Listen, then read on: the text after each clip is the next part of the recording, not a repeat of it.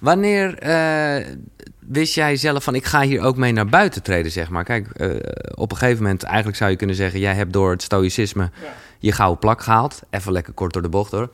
precies. Maar Ja. wel, eh, nou ja, vlak daarvoor raakte hij daardoor geïnteresseerd. En las je erover, dacht je van, hé, hey, dit is, dit is Ja. het ding. Maar dan is het ook nog een volgende stap om daarmee, zeg maar, nou ja, andere mensen te inspireren. Ja, Ja. Nou, dat kwam echt wel door het afgelopen jaar. Oké. Ja, omdat ik... eh, eerst lag alles natuurlijk plat, de hele wereld, met corona. Even eh, twee maanden. En daarna kreeg ik zoveel... eh, het stoïcisme raakt heel erg aan hoe je met onverwachte omstandigheden omgaat. Dus ik werd eigenlijk, eigenlijk ook wel een beetje op mezelf teruggeworpen van... Fuck, Want First Energy Gum, jouw, jouw bedrijf Ja. en jouw hele fijne, zeg ik erbij, want ik gebruik het gewoon echt altijd voor ik ga sporten, Energy Gum, dat lag ook even stil. Ja, dat lag. eh, nou, het was, even, het was even twee, drie weken helemaal. ehm, niemand bestelde meer. Het lag even stil. Ja. Dus we, wisten niet waar het heen zou gaan. Ah, ja, Wat zou er gebeuren toen corona kwam, zeg maar. Dus dat was het. was heel onzeker even. Dus hè, de onzekerheid, de, de, de angst van hè, waar gaan we naartoe met het bedrijf? We hebben geïnvesteerd, we hebben een plan. Ja. Alles lag even op zijn gat. Maar bleef jij ook echt de stoïcijn die dacht, hé, hey, we kunnen hier niks aan veranderen? Nou, nee, niet. Dat, ik ben dat dus niet meteen. ik, Nee, ik heb nee. een nachtje nodig. nou ja, Dus eh, mijn vrouw bijvoorbeeld, die, eh, die werd de eerste week helemaal compleet gek van mij. Ik lees natuurlijk ook al die boeken en Ja. al die ideeën. Dus eh, ik dacht ook, oké. heel dat, is wel- dat was een beetje gemaakt. Gemaakt stoïcijns noem ik het wel eens. Dan, de volgende dag stond ik op, vijf uur 's ochtends. Ik dacht, ik ga de hele week, vijf uur 's ochtends. Ik ga het boek schrijven. Ja. Want ik, dit is het moment. Nu, nu Hmm. ga ik dat doen. Alleen ja, na een week werd ik helemaal gek van mezelf en mijn vrouw van mij. Dat, eh, vijf uur ochtends opstaan en al die riedeltjes, de, de, het goed bezig. Ik, maar ja, zo leef ik eigenlijk helemaal niet. Ik leef veel makkelijker en losser. Dus na een week dacht ik, oh, dit gaat niet goed. Dit, dit is, nu moet ik even echt stoïcijns gaan worden. Ja, en ja. gewoon even rustig laten gaan. Ja, we weten niet wat gaat gebeuren. Nee, de toekomst is onzeker.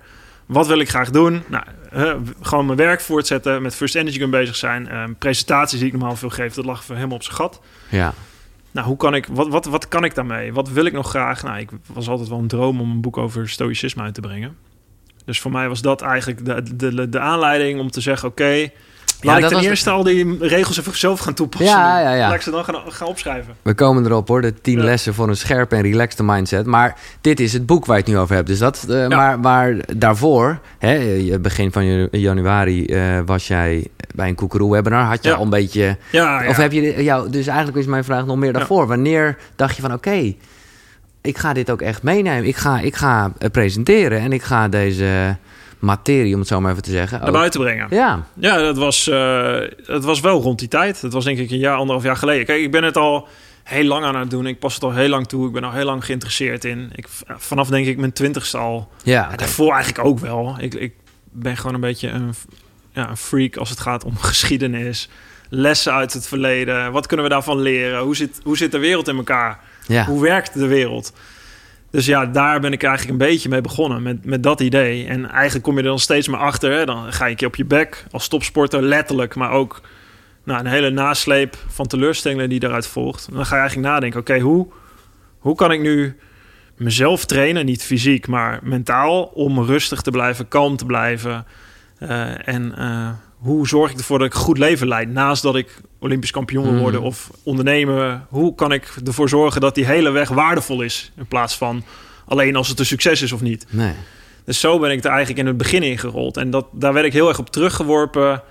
Eigenlijk nou, vorig jaar toen de hele wereld weer op zijn kop stond met corona. Eh, en toen dacht ik eigenlijk, hey, ik, ik, word, ik word echt die, die principes die ik al van jongs af aan in me heb... maar die ik ook heb toegepast in mijn topsportcarrière... die, die, die worden nu weer zo praktisch, die komen weer zo naar voren... Ja, dat, dat, dat, en ik kreeg heel vaak hè, bij presentaties ook van... ja, wat lees je dan? Hmm. Eh, hoe pas je het toe? Waar Ja. moet ik beginnen? Die ja, vraag. Ja. Dus mijn idee was eigenlijk, ik wil gewoon het opschrijven. Ik wil een boekje maken, ook voor mezelf, om die principes helder te krijgen. Maar ook als een soort cadeautje om aan mensen te kunnen geven. Nou, wil je ergens beginnen? Hoe ik het heb gedaan? Om- Hier, kijk, hier staat het in. Heel helder. En Ja. nou ja, ze zeggen wel schrijven, daar begint het dan eigenlijk mee. En schrijven is gewoon eigenlijk je gedachten helder krijgen. En dat goed kunnen samenvatten. En ik pas het wel toe, maar zo gestructureerd ben ik ook niet. Nee, dus je, hebt zelf, altijd helemaal- je hebt er zelf ook weer van geleerd, zeg ja, maar. absoluut. Ja, ja, het, is heel, het is ook weer een hele worsteling geweest. Eigenlijk, ik wilde heel groot beginnen. Ik ben van nature denk, ja, wat, wat is de... Waar, hè. Een mooi boek, 200, 300 pagina's, grote verhalen. Sport heb ik een heel idee bij. Dat heb ik nog steeds in mijn achterhoofd zitten. Maar dat wordt misschien ooit een keer een ander boek. Oké, oké. Eigenlijk kwam ik erachter, oké... even inademen, uitademen. Wat is nou het tofst om te doen? Want zoals jij al zegt, hè, mensen kennen mij ook van schaatsen. Stoïcijnse filosofie. Wat, hè, het, zou kunnen denken van, nou, dat komt ergens uit de lucht vallen. Dat Mhm. heeft hij opgepikt en dan gaan we mee aan de slag. Zo is het niet. Ik moet eerst maar eens uitleggen. Ja. Heel kort, heel bondig. Wat is nou Stoïcijnse filosofie? Hoe pas ik het toe in mijn eigen leven? En dat is een beginpunt. En, en daarna, dat zien we allemaal wel. Laten we daar maar beginnen. Een klein mooi boekje waar alle principes in staan. Wat ik gewoon aan iemand kan geven en kan zeggen... hey, Ja, ja. dit is hoe ik het toepas. Wil je een beetje daarover leren? Lees het. Nou, en dan is minder woorden je, misschien nog wel meer moeite, want dan is het echt... super Dat moeilijk. is gewoon beeldhouden, cut the crap, ja. Sterker nog, ik ben eerst... Ik heb nog in de tussenfase gezeten... dat ik dus dacht dat ik... Ik ga een heel kort boekje maken. Van Oh. Echt, echt tien pagina's. Ja, ja, ja. Met hele mooie visuals. Dus ik heb iemand erbij gehaald, Ruben van Bureau Ja, Rust, die, de, heel nice die uit. de visuals heeft gemaakt. En eigenlijk gingen we helemaal terug naar een paar paginaatjes maar. En eh, toen kwam ik er wel achteruit. Dat is ook te kort. Dan kun je Ja, het niet helemaal niet uitleggen. En dan kun je ook je eigen verhalen niet kwijt. Dus ik ben ook met andere mensen gaan praten. Met bijvoorbeeld Tim Fransen, cabaretier. Ja, Ook filosoof. Eh, met Lebbes.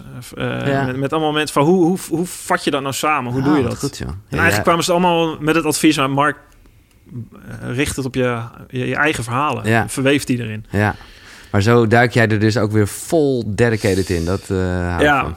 dat zit er wel een beetje in, ja. Ja. Ja.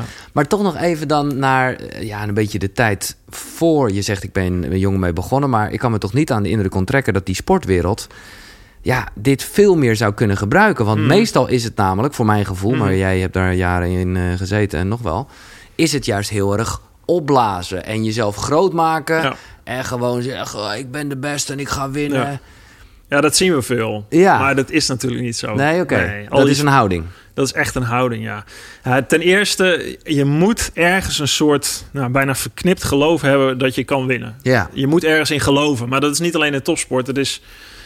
Jij hebt denk ik ook ooit moeten geloven dat je radio-dj wilt worden en Ja. kan worden. Ja, dat zeker. Is, dat, er moet ergens in zitten, er moet ergens een gek stemmetje zijn.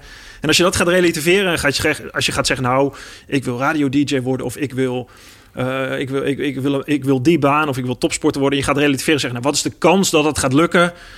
Ja, die is wel zo klein. Laat maar. Ik geef het op. Dit is realistisch niet... Je moet een soort irrealisme Ja. of irra- irrationaliteit hebben om dat te doen. En Dat hoort erbij. Dat moet je durven zeggen. Als je daar niet in gelooft, dan ga je niet alles doen. Dan ga je niet alle hordes nemen eh, en overleven om dat vast te houden. Dus dat is wel de basis. Dus in de kern helpt dat om dat te denken. Hey, ik ga de wereld veroveren. Ja. Er zit ego in, dat is niet verkeerd. Nee. Dat helpt je gewoon ergens te komen. Dat is misschien wel de drive, hè? Dat is, dat is het drive-stuk. Ja. Alleen je hebt daarnaast iets nodig wat je gegrond houdt met de realiteit van het leven. En dat is natuurlijk dat je, je kan je wel opblazen, maar diep van binnen voelt iedereen verdriet als iets mislukt. Teleurstelling, frustratie, angst. Ga maar door. Hmm. Eh, en dat is de realiteit. En dat geldt ook in een, in een topsportwereld is dat veel zwart-witter. Je, je blaast jezelf op, ik ben de beste. En je, of je bent de loser. Dat Nou, is heel precies. zwart-wit. Dat hele verliezen is geen optie, wat, Ja. wat voor mij heel erg topsport is. Ja. Maar jij zegt eigenlijk, eh, dat is een... Falen is een optie. Falen is een optie, Falen ja. is een keiharde optie. Ja. En als je, als je die wegdrukt en je zegt nee, dat gebeurt niet en het mag niet, dan wordt het, dan word je een soort slaaf van je ambitie.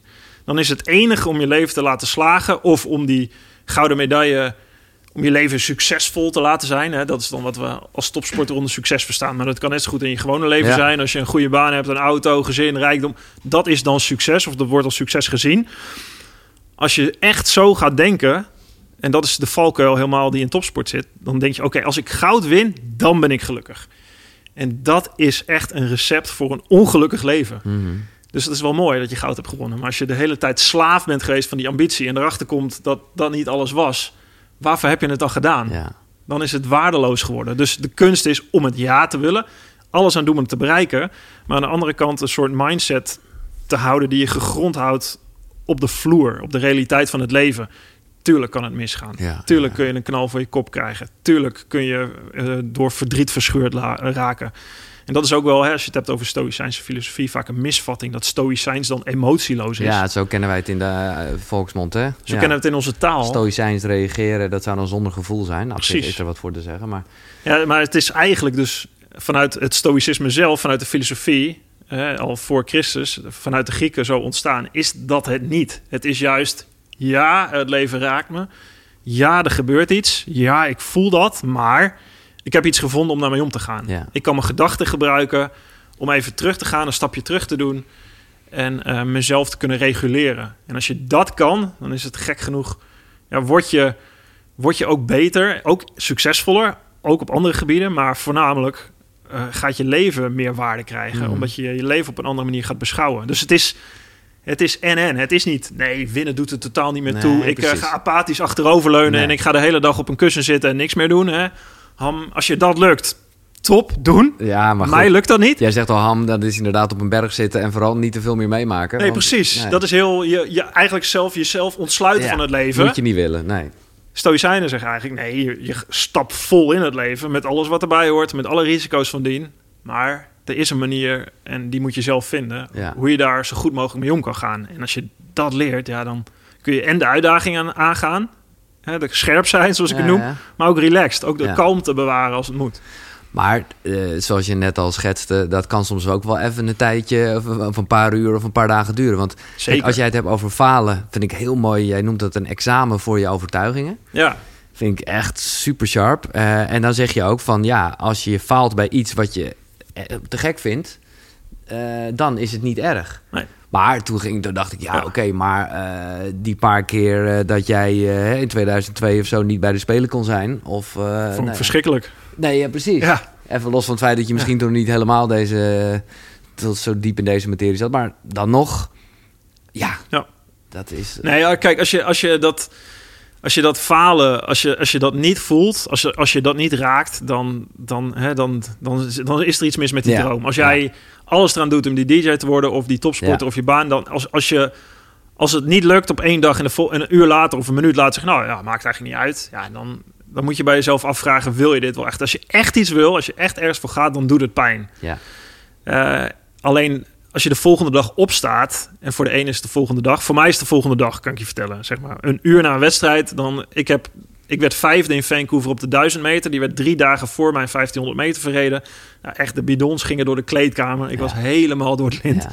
En bij mij ging het bijvoorbeeld toen zo. Dat was een, dat was een heel goed voorbeeld. Hè. Ik was vijfde geworden op de 1000 meter. Ik dacht, dit is mijn eerste Olympische start. Ik krijg nog maar één kans, de 1500 meter. Ik heb er nu één, heb ik verknald, de 1000. Het is klaar. En dus ik vijfde ook. Hè. Ik, echt, ik was liever dertigste geworden. Dan was het nog van, oké, ik ben dertigste. Er waren er 29 Ja, ja. Deal with it. Nu was het, je kan eraan ruiken. Net geen eh Dus nou, podium, bidons door de kleedkamer met onze ploeg waren we vierde, vijfde, zesde geworden. Met Oh, eh wauw. Simon dus Kuipers. een soort gemeenschappelijk... Ik, eh, Stefan Groothuis. Wij zaten echt als de drie eerste losers in de kleedkamer. Vier, vijf, zes. Oh. Nou, wij zaten daar echt zo...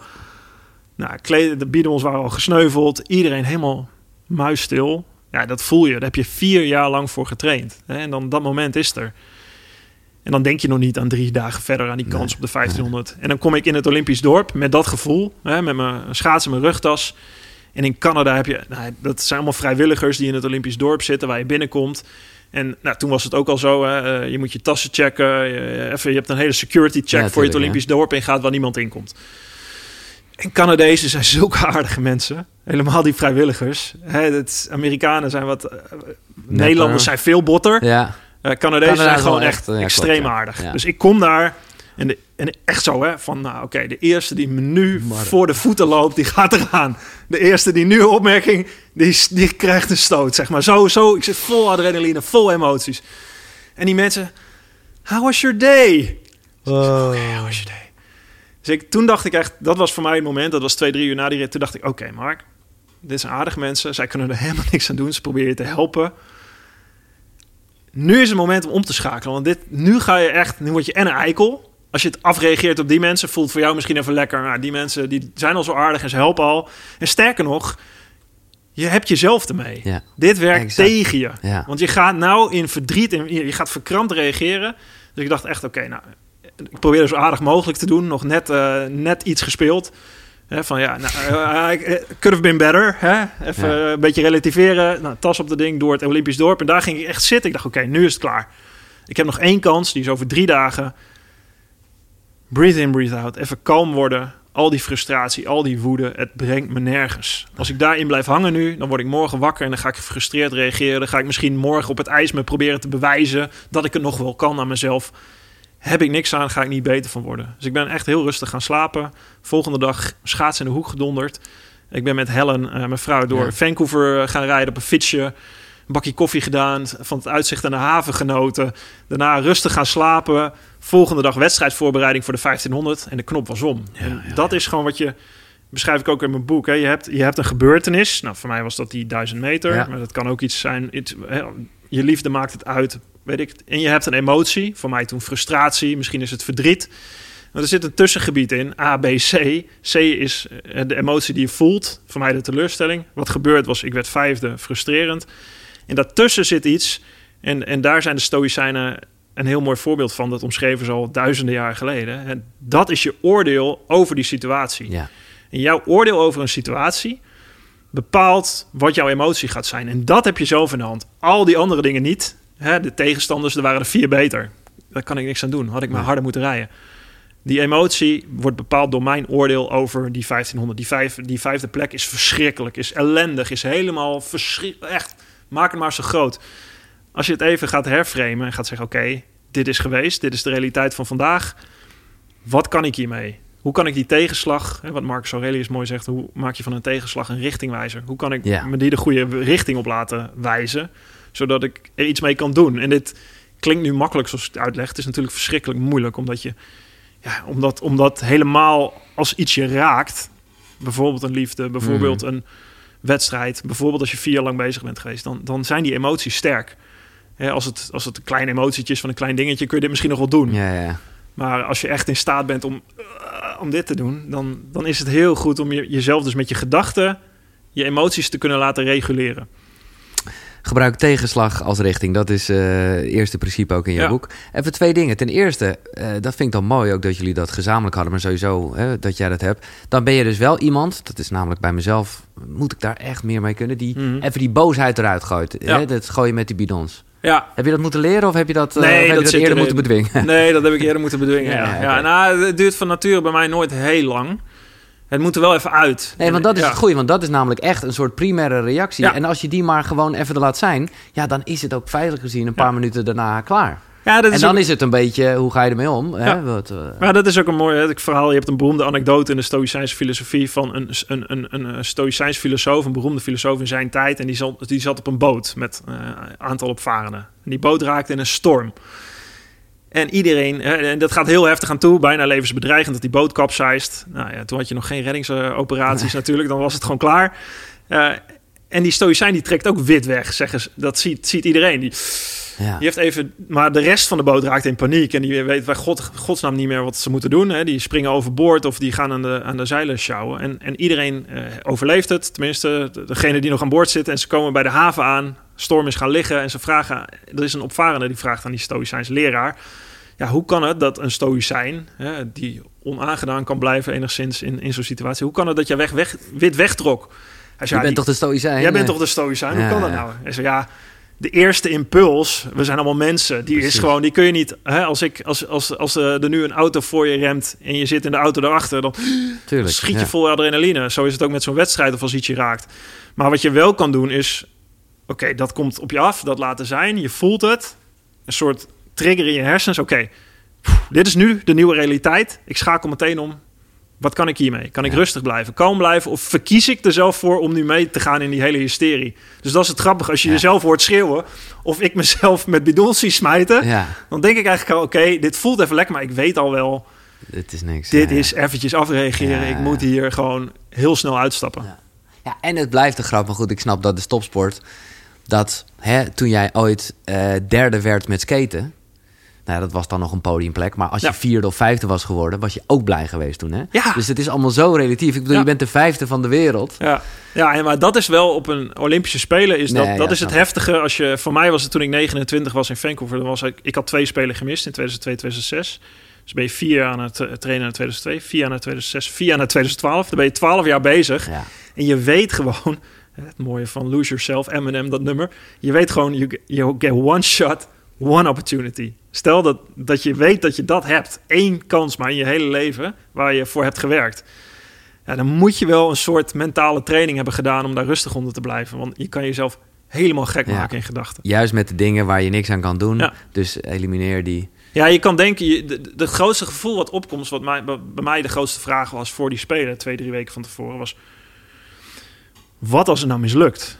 Heb je dan alles eraan gedaan en dan mislukt het? En dan? Weet je, stel je hebt keihard gewerkt voor dat project eh, een aantal Hmm. jaren lang, of, of, of ook misschien maar een aantal weken lang. En wat als dat, wat als dat mislukt? Dat zorgt voor heel veel angstgevoel. Ja. Hè, de coronacrisis is een mooi voorbeeld. Als, wat als de wereld in één keer totaal anders gaat dan dat jij in de gedachten had, Hmm. in je planning had. Dat zorgt voor veel angst. Hè, angst is een emotie die je voelt doordat je in de toekomst kijkt en dat iets anders loopt. En de vraag is, ja, waar ben je dan bang voor? Ja. Hoe, waar ben je bang voor? Dat je, dat je als eh, voor journalisten die over, gaat, over je gaan schrijven, dat je een, een, een, een, faler bent, omdat je al vier jaar lang geen wedstrijd hebt gehad en nu nog Het steeds. is een heerlijke opdracht in je boek, inderdaad. Waarbij je ook eh, hè, schrijf die angst op en schrijf alles, Alles. wat er zou kunnen gebeuren. Ja. En nou ja, dan verdampt er toch een hoop. Of dan, dan weet Ja. je toch wel van, nou oké, eigenlijk is dat dan alles. Ja, dan kom je erachter dat je dus eigenlijk bang bent voor, voor hetgene. Eh, Maar als het, als het gebeurt, dat valt het allemaal wel mee. Als je Ja. dat gaat analyseren rationeel. Je denkt van, oh, maar oké, als ik het, nou, als ik, als ik nu misluk, heb ik dan nog wel een contract volgend jaar? Kan ik dan wel blijven schaatsen? Kan ik dan... Maar dat zijn allemaal die dingen in de toekomst waar je wat afhangt van het resultaat. Dus het gevaar van die angst is dat je heel erg in resultaat gaat denken. Mhm. Ik moet een gouden medaille halen. Ik moet eh, een salaris binnentrekken. Ja. Ik, ik moet, ik moet, ik moet, ik moet. En waar je daaruit kan komen is eigenlijk inderdaad door die angsten op te schrijven en te denken van een, even jezelf eruit te tillen. En denken, is het allemaal nou wel zo erg? Hou- Houdt mijn leven echt op als dit gebeurt? Ja. Of heb ik nog wel ergens iets wat ik, wat ik eraan kan doen? Of wat ik kan verbeteren? Of brengt dat me weer in een nieuwe zoektocht? En voor mij was dat heel erg, dat was echt ook de kern van mijn, waarom ik, mijn, mijn zoektocht naar Stoïcijnse filosofie. Ik las twee weken voor de tijd eh, eh, een mooi boek. Hij staat op mijn boekenlijst. Daar gaan we zo ongetwijfeld Ja, ja, op komen. zeker. Ik ga nog niet zeggen wat het is. Laatste hoofdstuk gaat over Seneca. En dat, dat, ring, eh, ja, dat was gewoon een belletje dat bij mij afging. Seneca een Romeinse stoïcijns filosoof. eh, leefde ja, rond, rond het begin van onze jaartelling. Eh, ambitieuze eh, man. eh, was adviseur van keizer Nero. Dat was de meest slechte keizer ooit. Dus staat niet heel goed op zijn cv. Maar hij heeft hele mooie teksten geschreven over, over waarde. Over wat jij kan doen, hoe je je leven in kan delen. En wat, waar hij op uitkomt is, zeg maar, dat je eh, dat wat je niet kan controleren moet omarmen. Loslaten, het moeilijkste wat er is misschien wel. Eh, maar niet alleen loslaten. Je kan bijvoorbeeld ten opzichte van angst een hele mooie waarde zetten als moed. En moed is gewoon de strijd aangaan. Hè? En vroeger was dat misschien nog iets, hè? Dan, dan, dan, dan, dan waren er ja, meer oorlogen. Nou ja, we hebben al een tijd vrede, maar Ja. dan ging het ook gewoon strijd aangaan, letterlijk in het veld, in het slagveld. Maar ook als leider eh, strijden voor waarden. Hè? Ook als politicus, ook als meer menselijke waarden. En als sporter las ik dat en ik dacht, ja, moed is eigenlijk, moed is niet geen angst voelen. Moed is angst voelen, maar het alsnog gaan doen. Ja. Dus als, ik, als dat startschot gaat, moet ik gewoon moedig zijn. Ja. Wat, wat, die, wat het publiek van mij vindt, kan ik niks aan doen. Wat de journalisten over me schrijven, kan ik niks aan doen. Die tegenstanders die ik daar in de ogen kijk, die hebben ook allemaal zo'n angstblik in de ogen die ik ook heb. Het, het is- we zitten allemaal in hetzelfde schuitje. Het enige wat ik kan doen, is als die eerste passen maken, is, is gewoon mezelf geven en moedig zijn. Dus niet mezelf tegenhouden en klein maken. Mooi jongen, dus moed moedig zijn. is de angst voelen, maar dan toch actie. Ja, het toch doen. Ja. En, en, en, da- en daarbij falen, tuurlijk dat kan. Dat allemaal in ogenschouw nemen. Ja. Kan het misgaan? Ja. Kan je je baan verliezen? Ja. Eh, kan je de, de, de hemel of de hel in worden geprezen? Kan allemaal. Doet er niet toe. Moed tonen. Hmm. Dat is het enige wat je kan doen. Karakter tonen in je acties en je keuzes. Ja, dan ga ik even, ik ga ze niet in volgorde principes namelijk doen. Eh, en deze kwam al een beetje naar boven. Eh, karakter is je belangrijkste project. Ja, En ik vraag me af hoe jij dat ziet. Want ergens heb je, noem je ook wat een bekende uitspraak is, de aard van het beestje. Maar ik vraag me eigenlijk af hoe jij dat ziet. Kan je, kan je karakter veranderen? Nou, ik denk diep van binnen een aard van een beestje kan je niet veranderen. Je, dat is echt Dat is onze natuurlijke inborst. Ja. Dat kun je heel erg proberen. Nou, succes. Hè? Bij mij is dat eh, de gedrevenheid die ik in me heb. Uh, Ja. Dat heet drive. En dat is ook wel de wil om te presteren, de wil om te winnen. Het is niet heel stoïcijns, want stoïcijnen, Nee, hè, het, resultaat is Ja. eigenlijk helemaal... eh, en ik kan heel erg mijn best gaan doen om eh, een soort te klinken als een boeddhist, om heel zen te gaan zijn. En, eh, hmm, maar Je ik, kan ook gewoon weten, ik ben gewoon... ik ben zo. Ik zou gewoon nooit een spelletje met jou willen doen, dus. Nee, dat wordt het. Nee, ik probeer thuis niet zoveel spelletjes te spelen. Nee. En ik kan daar, ik natuurlijk, kan ik ook relativeren. Maar ik, ik vind kitesurfen geweldig, skiën geweldig. En dat is voor mij. En als ik ga fietsen, dan ik, ik doe niks op tijd, ik doe niks op hartslag. Wat heel veel oudsporters nog wel doen. Hè. Dus Ja, ik doe bijna niks op schema. Ik probeer dat gewoon. Ik probeer te genieten van het surfen of het skiën of het Nee, fietsen dus zelf. het is wel bij bepaalde dingen. Ja, het is echt bij bepaalde dingen. Als ik weet eh, dat ik. En ik, ik wil ook gewoon dingen behalen omdat ik, omdat ik de uitdaging aan wil gaan. Ik ben niet gaan ondernemen om superrijk te worden of de Multimiljonair. hele wereld te veroveren. Ik zou zeggen, dat, eh, dat ben ik zeker niet op tegen. Nee. Maar ik vind dat de mooiste uitdaging. Als je een hele grote uitdaging aangaat, als je de gedrevenheid in jezelf aanspreekt, dan word je geconfronteerd met de keiharde les van de werkelijkheid, van de realiteit. Voor een ondernemer is dat de markt. Ik kan een heel mooi product maken, First Energy Gum. Ja. Ik kan een heel mooi verhaal houden. Ja. Als niemand het koopt of niemand eh, dan, hey, mooi verhaal Mark, maar het werkt niet. Eh, dus dat is de ultieme test met een markt. Maar voor jezelf is de ultieme test met het leven je overtuigingen. Ja, dus dat is wel heel zen eigenlijk. De, de classic, de reis is belangrijker dan de... Het is super cliché, Nee, maar, maar dat is is zo. Ja, het is echt zo. Ja. En ik vind het ook wel geinig, want ik weet, eh, het, eh, voor zover ik kan inschatten, heb je dat wel echt altijd voor echt de lol gedaan. Eh, hè, het gitaarspelen. Ja. Ook een beetje ontstaan in een tijd dat je even niet meer kon schaatsen. Ja. Maar het is niet dat je gelijk in dit kader ook de beste gitarist van de wereld. Nee, dat die ambitie. Nee, ik ben ook wel reëel om te weten dat dat me dat en niet gaat lukken. En ik weet ook, en dat schrijft Epictetus ook heel mooi in, in zijn colleges. Eh, Epictetus was een, een tot slaaf geworden Stoïcijns filosoof leraar. Wat ook Mhm. vind ik mooi in de Stoïcijnse filosofie is. Hè. Je hebt aan de ene kant Marcus Aurelius, grote keizer, Romeinse Rijk. Aan de andere kant heb je een slaaf, Epictetus. Die, die elkaar net op, opvolgden in tijd. En die schrijft eigenlijk heel uit. Die schreef veel over Olympische Spelen trouwens. hè. Het was van nature een Griek. Nou, de Grieken zijn, zoals je weet, misschien eh, de uitvinder van de Olympische Mhm. Spelen. En die schrijft heel erg: hè, bedenk als je een atleet wil zijn op de Olympische Spelen, wat je ervoor moet doen. Je, je rolt door de modder en het zand. Nou, dat was toen nog zo met worstelen. Eh, je moet je trainer gehoorzamen, je mag geen alcohol drinken, eh et cetera, et cetera, et cetera, et cetera. Als je dat allemaal hebt bedacht, al die dingen, als jij zegt dat je iets wilt gaan doen, bedenk dan of je het dan nog echt wilt doen. En dat is het een beetje met doelen stellen. Hè? We kunnen Ja. allemaal roepen dat we dingen willen doen. Maar als je allemaal kijkt wat je ergens voor moet doen, wil je het dan nog echt? Dus als ik zou zeggen, ik wil een geweldige gitarist worden, dan weet ik vanuit mijn topsportmentaliteit dat ik daar heel veel voor moet doen. Ja. En ook veel voor moet laten. Ja, dat heb ik er niet voor over. En dus voor mij is, is niet alles een doel of een middel. Het zijn een paar dingen die wil ik heel goed doen. En de rest is spelen. Gita gitaar eh, spelen is voor mij gewoon echt spelen. Dat is, daar hangt totaal geen Nee. doel aan. Eh, net zoals sporten voor mij ook nu veel meer spelen is dan dat het vroeger was. Toen was sporten doelmatig. Nu is het, ik, heb, ik wil het doen omdat ik gezond wil zijn voor de lange termijn. En omdat ik het gewoon heel erg leuk vind. Ja. Punt. Ja, ja, ja.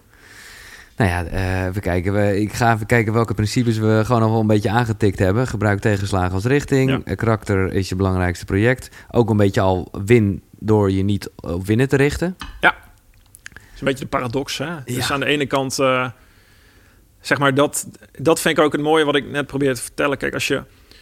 Er zijn heel veel mensen die eh, even dat cliché erbij pakken: de weg is het doel. Heel veel mensen maken dan denk ik de fout door te zeggen: oké, de weg is alleen maar wat het toe doet. Natuurlijk heb je ergens dat doel en die gedrevenheid. Hè? Het is heel erg. Als je, als, je die, die, als je die weg geen richting geeft, dan weet je niet waar je heen gaat. Nee. Hè? Zoals Seneca mooi zei: als, je, als we niet weten naar welke haven we varen, weten we ook niet welke wind gunstig is. Dus het is niet, het is heel snel of alleen dat doel geldt, of nee, dat doel is helemaal niet belangrijk. Nee, het is en-en. Ja. Die balans is beide belangrijk. En wat, je, wat ik probeer te beschrijven in win door je niet op winnen te richten, is dat inderdaad. Concentreer je als, je, je, als je dat doel helder hebt of die richting, richt je dan op het proces. En als je dat proces goed krijgt met alle taken die daarbij horen, als dat leuk is, als dat vloeit, als, je dat, als dat uitdagend is, dat kan, in je, hè, dat kan in je bedrijf zijn, dat kan in je leven zijn, dan ga je zoeken, dan ga je worstelen, dan ga je Dan ga je een beetje op Tjonen, pad. Dan ga je, ja. ja. dan ga je eh, een beetje tinkeren, zoals het mooi heet. Een beetje knutselen over hoe het beter kan. Ja, en daar ligt de uitdaging. Hé, hey, als ik dit doe, gebeurt er dat. Ja. Oh, gaaf. Als dit doet. Dus je bent helemaal, je gaat helemaal in op het proces. En, en dan wordt het resultaat beter. En dat is de beste manier ook om te winnen. Ook om een resultaat te boeken. Dus heel veel mensen roepen dan, ja, ik wil winnen of ik wil een resultaat boeken. Ja, dat kan ik, kan ik ook roepen. Dat kan Ja. iedereen roepen. Epictetus Nee, zou dat- zeggen, slaaf, stakker. Ga even terug naar het hele proces en zorg Ja. dat je dat goed krijgt. Nee, maar dat ken ik heel erg. En dat zou je een soort van falen kunnen noemen. Ik wilde gewoon iets bij de radio doen. Nou ja, Ja. dat heeft best even geduurd. Maar het is niet dat je bij de eerste afwijzingsbrief denkt... oké, nu stort het in. Nee, je bent gewoon nog steeds ermee bezig. En dan is inderdaad... Ja, je hebt daar denk ik ook iets in gevonden, toch wat je heel leuk vindt, tof Ja. vindt. Ja, En misschien nog wel steeds, denk ik. absoluut. Ja? Nee, absoluut. Ja. Ik moet zeggen, ik vond het wel even... dat is niet te vergelijken denk ik met topsport... maar bij mij was het wel eventjes eng toen... want bij mij was dat wel heel erg mijn leven. Misschien ook een beetje dat je denkt... nou ja, Ja. er is wel meer dan eh, werk. En hou Ja, je gaat je identificeren met... Exact. Dus op het moment dat, dat, dat ik het even wat minder leuk begon te vinden... Ja. toen eh, begon het eh, uiteindelijk wel onwijs te wankelen. Dat is ergens de basis geweest van Koekeroe en deze podcast. Ja. En nu is het, eh, vind ik het een on- ja, het leukste baantje dat er is. Maar heb ik, is het wel, ik zeg Ja. wel bewust, is een baantje. Ja. En zo voel ik het ook en dat is top. Maar ik weet nog wel dat helemaal... Ja, je bent veel meer nu alleen dan die radio-dj. Ja, Ja. ja. ik, heb- precies. Maar ik weet nog wel, eh, eh, dat is hoe ik op kom, inderdaad, dat ik als kind gewoon, ik wilde bij de radio. En ik moet zeggen, zo duidelijk was dat doel helemaal niet. Maar dat was inderdaad Mhm. Nee. een beetje de haven. Ja. En wat dat dan ging worden. Nou ja, dat is een beetje, een kaart is handiger dan een kompas. Ja. Ik vind dit echt, ik vind sowieso echt mijn complimenten hoe je namelijk, hè, je zegt al, eh, jaren nul en daarvoor. Dus het is echt oude materie. Maar hoe jij het naar nu hebt weten te brengen door bijvoorbeeld hè, de good old helikopterview is ineens een drone geworden. Ja. Vind ik heel tof. Maar het mooiste vind ik wel, en ook echt waar, denk maar aan hoe je navigeert op Google Maps. Pas als je begint te lopen, weet je of je de goede kant uit gaat. Ja. Ja, die vind ik echt ja, die is fijn, hè? ja, die is zo van deze tijd. En het is Ja. gewoon, we weten allemaal dat het ook echt zo werkt. Met Google Maps. Ja. Maar ook met het leven dus eigenlijk. Dus, dus doe het. Het is gewoon gaan lopen, op je bek gaan, bijsturen. En dan heb je even, hè, zoals Seneca ook mooi zegt, een rustplaats. En dan herijk je even. En dan kijk je, oké, lukte dit? Wel, niet, waarom? En dan zetten we de volgende stap. En die gaat misschien net iets meer een andere straat in via Google Ja, dan die straat. Ja. Maar je weet, je weet niet. Daarom zeg ik ook, oké, de kaart is wel leuk, maar een kompas is veel handiger. Welke straat je ook Ja. neemt, je moet ongeveer weten welke richting je ingaat. Hè? Je moet niet, als je de hele wereld als speelveld neemt en je, en je wil alles. En dat is een fout die denk ik heel veel, ook heel veel jonge mensen die ik maar eh, spreek maken. Ik, ik wil goed doen voor de wereld of ik wil prachtig mooie waarden. Alleen het is zo groot dat je helemaal niet geen idee hebt waar je moet beginnen of waar je wil uitkomen. Het blijft heel abstract. Ja. Dus maar ik vind het wel moeilijk hoor. Want jij hebt, eh, eh, dat heeft hiermee te maken, drie waarden voor jezelf bedacht. Autonomie, filosofie en sport. Ja. Dus eigenlijk alles wat je doet in je leven, eh, dat kan je daaraan Ja, toetsen, valt daar binnen. Maar. Ja. Ja. Maar hoe, hoe zijn die zo tot jou gekomen? Ja, dat is, ook, dat is ook wel met de jaren dat je ouder wordt en dat je daarmee achterkomt. Het, het, het moment waar ik op echt dit heb gebruikt, was twee jaar nadat ik gestopt eh, was als sporter. Hè, Het mooie van sporter is, eh, heb je een heel helder doel. Een hele duidelijke, Ja. richt één doel, één punt. Als je dat vindt in je leven, gefeliciteerd, Ja, dat- succes, ja. heel fijn. Dit is heel fijn, weet ik ook. Ja. Ja, dan heb je het heel duidelijk. Dan wordt alles heel helder. Maar ja, het normale leven is iets minder, eh, is, is nog chaotischer dan een topsportleven. Veel chaotischer. Mhm. Dan stop je daarmee en dan is dat hele doel valt weg. Hè, wat veel mensen dan een, als een zwart gat kunnen ervaren. Van ja, wat moet ik nou met mijn leven? Dus ik had een vriend die tegen me zei... Mark, je moet gaan solliciteren, je moet gaan werken. Ga eens een keer werken. Ja. Je weet niet wat het is. Ik zei, hoezo? Ik weet niet wat het is. ik heb altijd bij mijn vader op een boerderij gewerkt. Ik heb keihard getraind. Dus ik weet wel wat werk is. Ik ben, weet je, kom maar. Maar ik ben het toch gaan doen. En Goeie ben- vriend, want die... Ja, eh, ja. dat is mooi. Hij heeft me ook geholpen met het boek trouwens. Eh, en eh, hij, eh, hij zei ja... Hij eh, introduceerde me ook nog, dus ik ben gaan werken. Ik ben bij Young Capital gaan werken, uitzendbureau. Superleuk bedrijf overigens. Ik, ik eh, ben een goede vrienden met eigenaren. En eh, daar heb ik veel geleerd. Maar ik ben daar een jaar gaan werken. En na een jaar dacht ik echt van... ja, maar ik zit in een bedrijf. Ik, ik, ik, ik zit op een salesafdeling. Ik moet naar een bedrijf toe. En ik, ik, ik zie daar ook nog wel de uitdaging in. Maar het is niet echt iets. Hè? En ik zag die, die jongens die, die het leiden, die ondernemen. en die hebben echt... Nou, dit Die is hun kindje. echt. die Ja, voelen precies. het. En ik, Ja, ik had dat niet. Dus ik dacht echt, nou ja, oké, wat moet ik nu? Ik zeg, nou, ik ga de sportwereld in. Misschien uh, kunnen ze me daar gebruiken uh, in de schaatswereld, schaatssponsoring regelen. Dus ik was eigenlijk twee jaar lang van alles aan het doen. En na twee jaar, toen heb ik wel zelf besloten om te zeggen, oké, ik ga nu even een half jaar, ik moet even tot rust komen. Nou, mijn broertje, die wordt ook nog gequote in mijn boek, die, die zei bijvoorbeeld, hè, de eerste keer dat wij als familie op vakantie gingen met mijn broertje, zijn gezin en mijn gezin, was, ik, had, ik had 10, 20 boeken mee op vakantie. Ik was alleen maar boeken, businessboeken, marketing, filosofie. Duk, duk, duk, duk. Ik was heel, ja. totaal niet, ik was gewoon stuurloos. dus na twee jaar toen dacht ik, oké, ik ga even een paar maanden, een half jaar even niks doen, alles afzeggen. Nou, dat is best wel lastig als er veel op je afkomt. Ja, uh, je kan van alles. En ik ga even herijken. En toen heb ik echt een goed gesprek gehad met mijn broertje. Mijn broertje die is van jongs af aan, 17 jaar ging hij het huis uit naar Delft. Heeft industrieel ontwerpen gestudeerd. En die had het heel... Die zei, Mark, ik zei, want hoe heb jij dit al gedaan? Hij zei, nou, ik had altijd drie punten. Hij zei, ik, ik wilde techniek, ik wilde spelen en uh, ik wilde iets met uh, sport kinderen doen. En uh, ja, ik ben industrieel ontwerpen gaan doen. Techniek zat er ook in. ik wilde, de, de, techniek vind ik leuk. Nou, dat is hij gaan doen. En hij, zo, ik ben, hij ontwerpt nu interactieve speeltoestellen. Ja, top pas bij hem. Hij klaagt nooit over wat hij doet. Hij is precies spot on. Hij weet wat hij doet. Hij weet wat hij niet doet. Hij, hij is daar heel, heel, heel goede richting. Dus ik zei, hoe doe je dat? Hij zei, nou, ik heb gewoon een, een, een, een, altijd een schrift naast me. Hè, creatieve jongen. Uh, met aantekeningen die, aantekeningen die ik maak voordat ik naar bed ga. En ik, ik, ik heb gewoon drie punten gepakt. Daar een driehoek tussen getrokken. En alles wat daar binnen valt, dat ga ik doen. En alles daarbuiten wijs ik af. Klinkt heel simpel. Ik dacht, nou, wat is voor mij nu ik noem het in mijn oefening ook de kap-lin-driehoek. Wat, wat past bij mijn karakter? Plezier, interesse. Nou, mijn karakter is autonoom. Ja. Als ik op het ijs stond als jochie, dan kon ik een hele vijver of een heel meer betreden met een paar schaatsjes onder mijn voet. En dan wilde, ik wilde gewoon zelf weten. Ik ga daarheen en ik zie wel wat er gebeurt. Eh, ik wil risico nemen. Nou, dat past ondernemen supergoed bij. Dus als ik zou gevraagd worden door, door een overheidsinstantie om op een kantoor te gaan werken, dat moet ik eigenlijk al willen weten. Ook al dat past niet, dat past niet moet ik afwijzen. Nee. Dat is even een, een, een, extreem geval. Aan de andere kant, uh, sport, daar heb ik mijn kennis in. Weet ik, ik weet hoe, hoe inspanningsfysiologie heb ik veel, veel over eh, gelezen, ge, kennis in opgebouwd. Sport dit doe ik al van jongs af aan. Dat is voor mij plezier, dat is spelen. En dat, dat doe ik iedere dag. Dat, nou, dat, dat, ik kijk naar de tv, ik, kijk, ik, ik, volg, ik ben gek van sport. En aan de andere kant is het voor mij filosofie geworden. En dat is, dat is de gedurende mijn leven eigenlijk meer ingekomen. Wat mijn interessepunt is van die driehoek. En waar ik achter kom is als ik nou ja, het leven doormaak. Of het nou een scheiding tussen mijn ouders was. Het mhm. verlies van mijn moeder. Uh, een sportieve prestatie willen halen. Maar onderuit gaan, teleurstelling.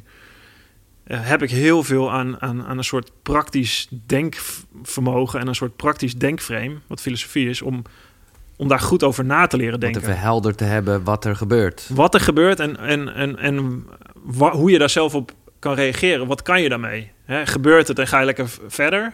Of denk je van, hé, hey, wat, wat kan ik hiermee? Wat kan ik hiervan leren? Wat, wat is mijn les om het, voor het leven om te leren? En dat is iets wat nooit ophoudt. En dat is iets wat het leven gewoon superleuk maakt. Ja, ja, ja. En als ik daarin blijf in die dingen, dan gaan ze elkaar versterken. Dus Hè, die filosofie gebruik ik in het ondernemen, wat autonomie is. Die gebruik ik ook bij sport. Ik, ik ben analist bij de NOS, vind ik leuk. Dus al die dingen, die versterken elkaar. Ja, en die gaan, weet je, als ik ondernemen pas ik dingen toe, voor mijn boek pas ik weer andere dingen toe. Als, als het alles daarbuiten ik kan weghouden, dan gaat dit een soort, ja, daar gaat het voor mij, daar gaat het voor mij werken, dan gaat het in elkaar vallen en dan gaat het elkaar versterken. Maar even, en ik voel het wel een beetje, maar wat is, wat is het filosofische gedeelte van First Energy kan?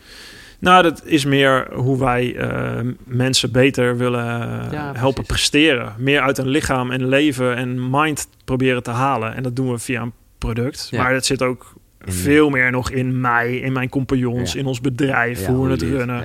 Nou, je kent onze challenge. Hè? Nee. Gaan we met een groep mensen, is gewoon een zaterdagochtend, een paar uur tekeer gaan. En ik roep natuurlijk voor die challenge altijd: het gaat om winnen. Maar het gaat natuurlijk om dat je met z'n allen bij elkaar bent.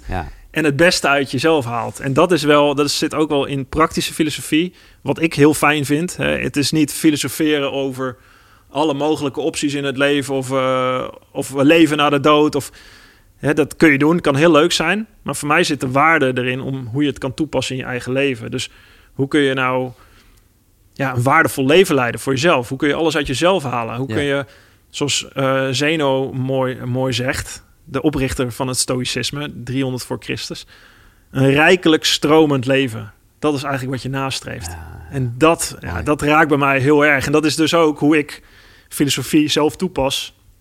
Op de achtergrond van First. Helemaal niet op de voorgrond. Nee. Maar gewoon, ja, hoe, hoe werk je samen met eh, twee compagnons? Met z'n drieën is in, ondernemen is heel intensief. Het is heel emotioneel ook. Er komt heel veel bij kijken. Dus hoe kun je daar zelf kalm in blijven en rustig in blijven? Terwijl je met z'n allen ook die doelen wil halen.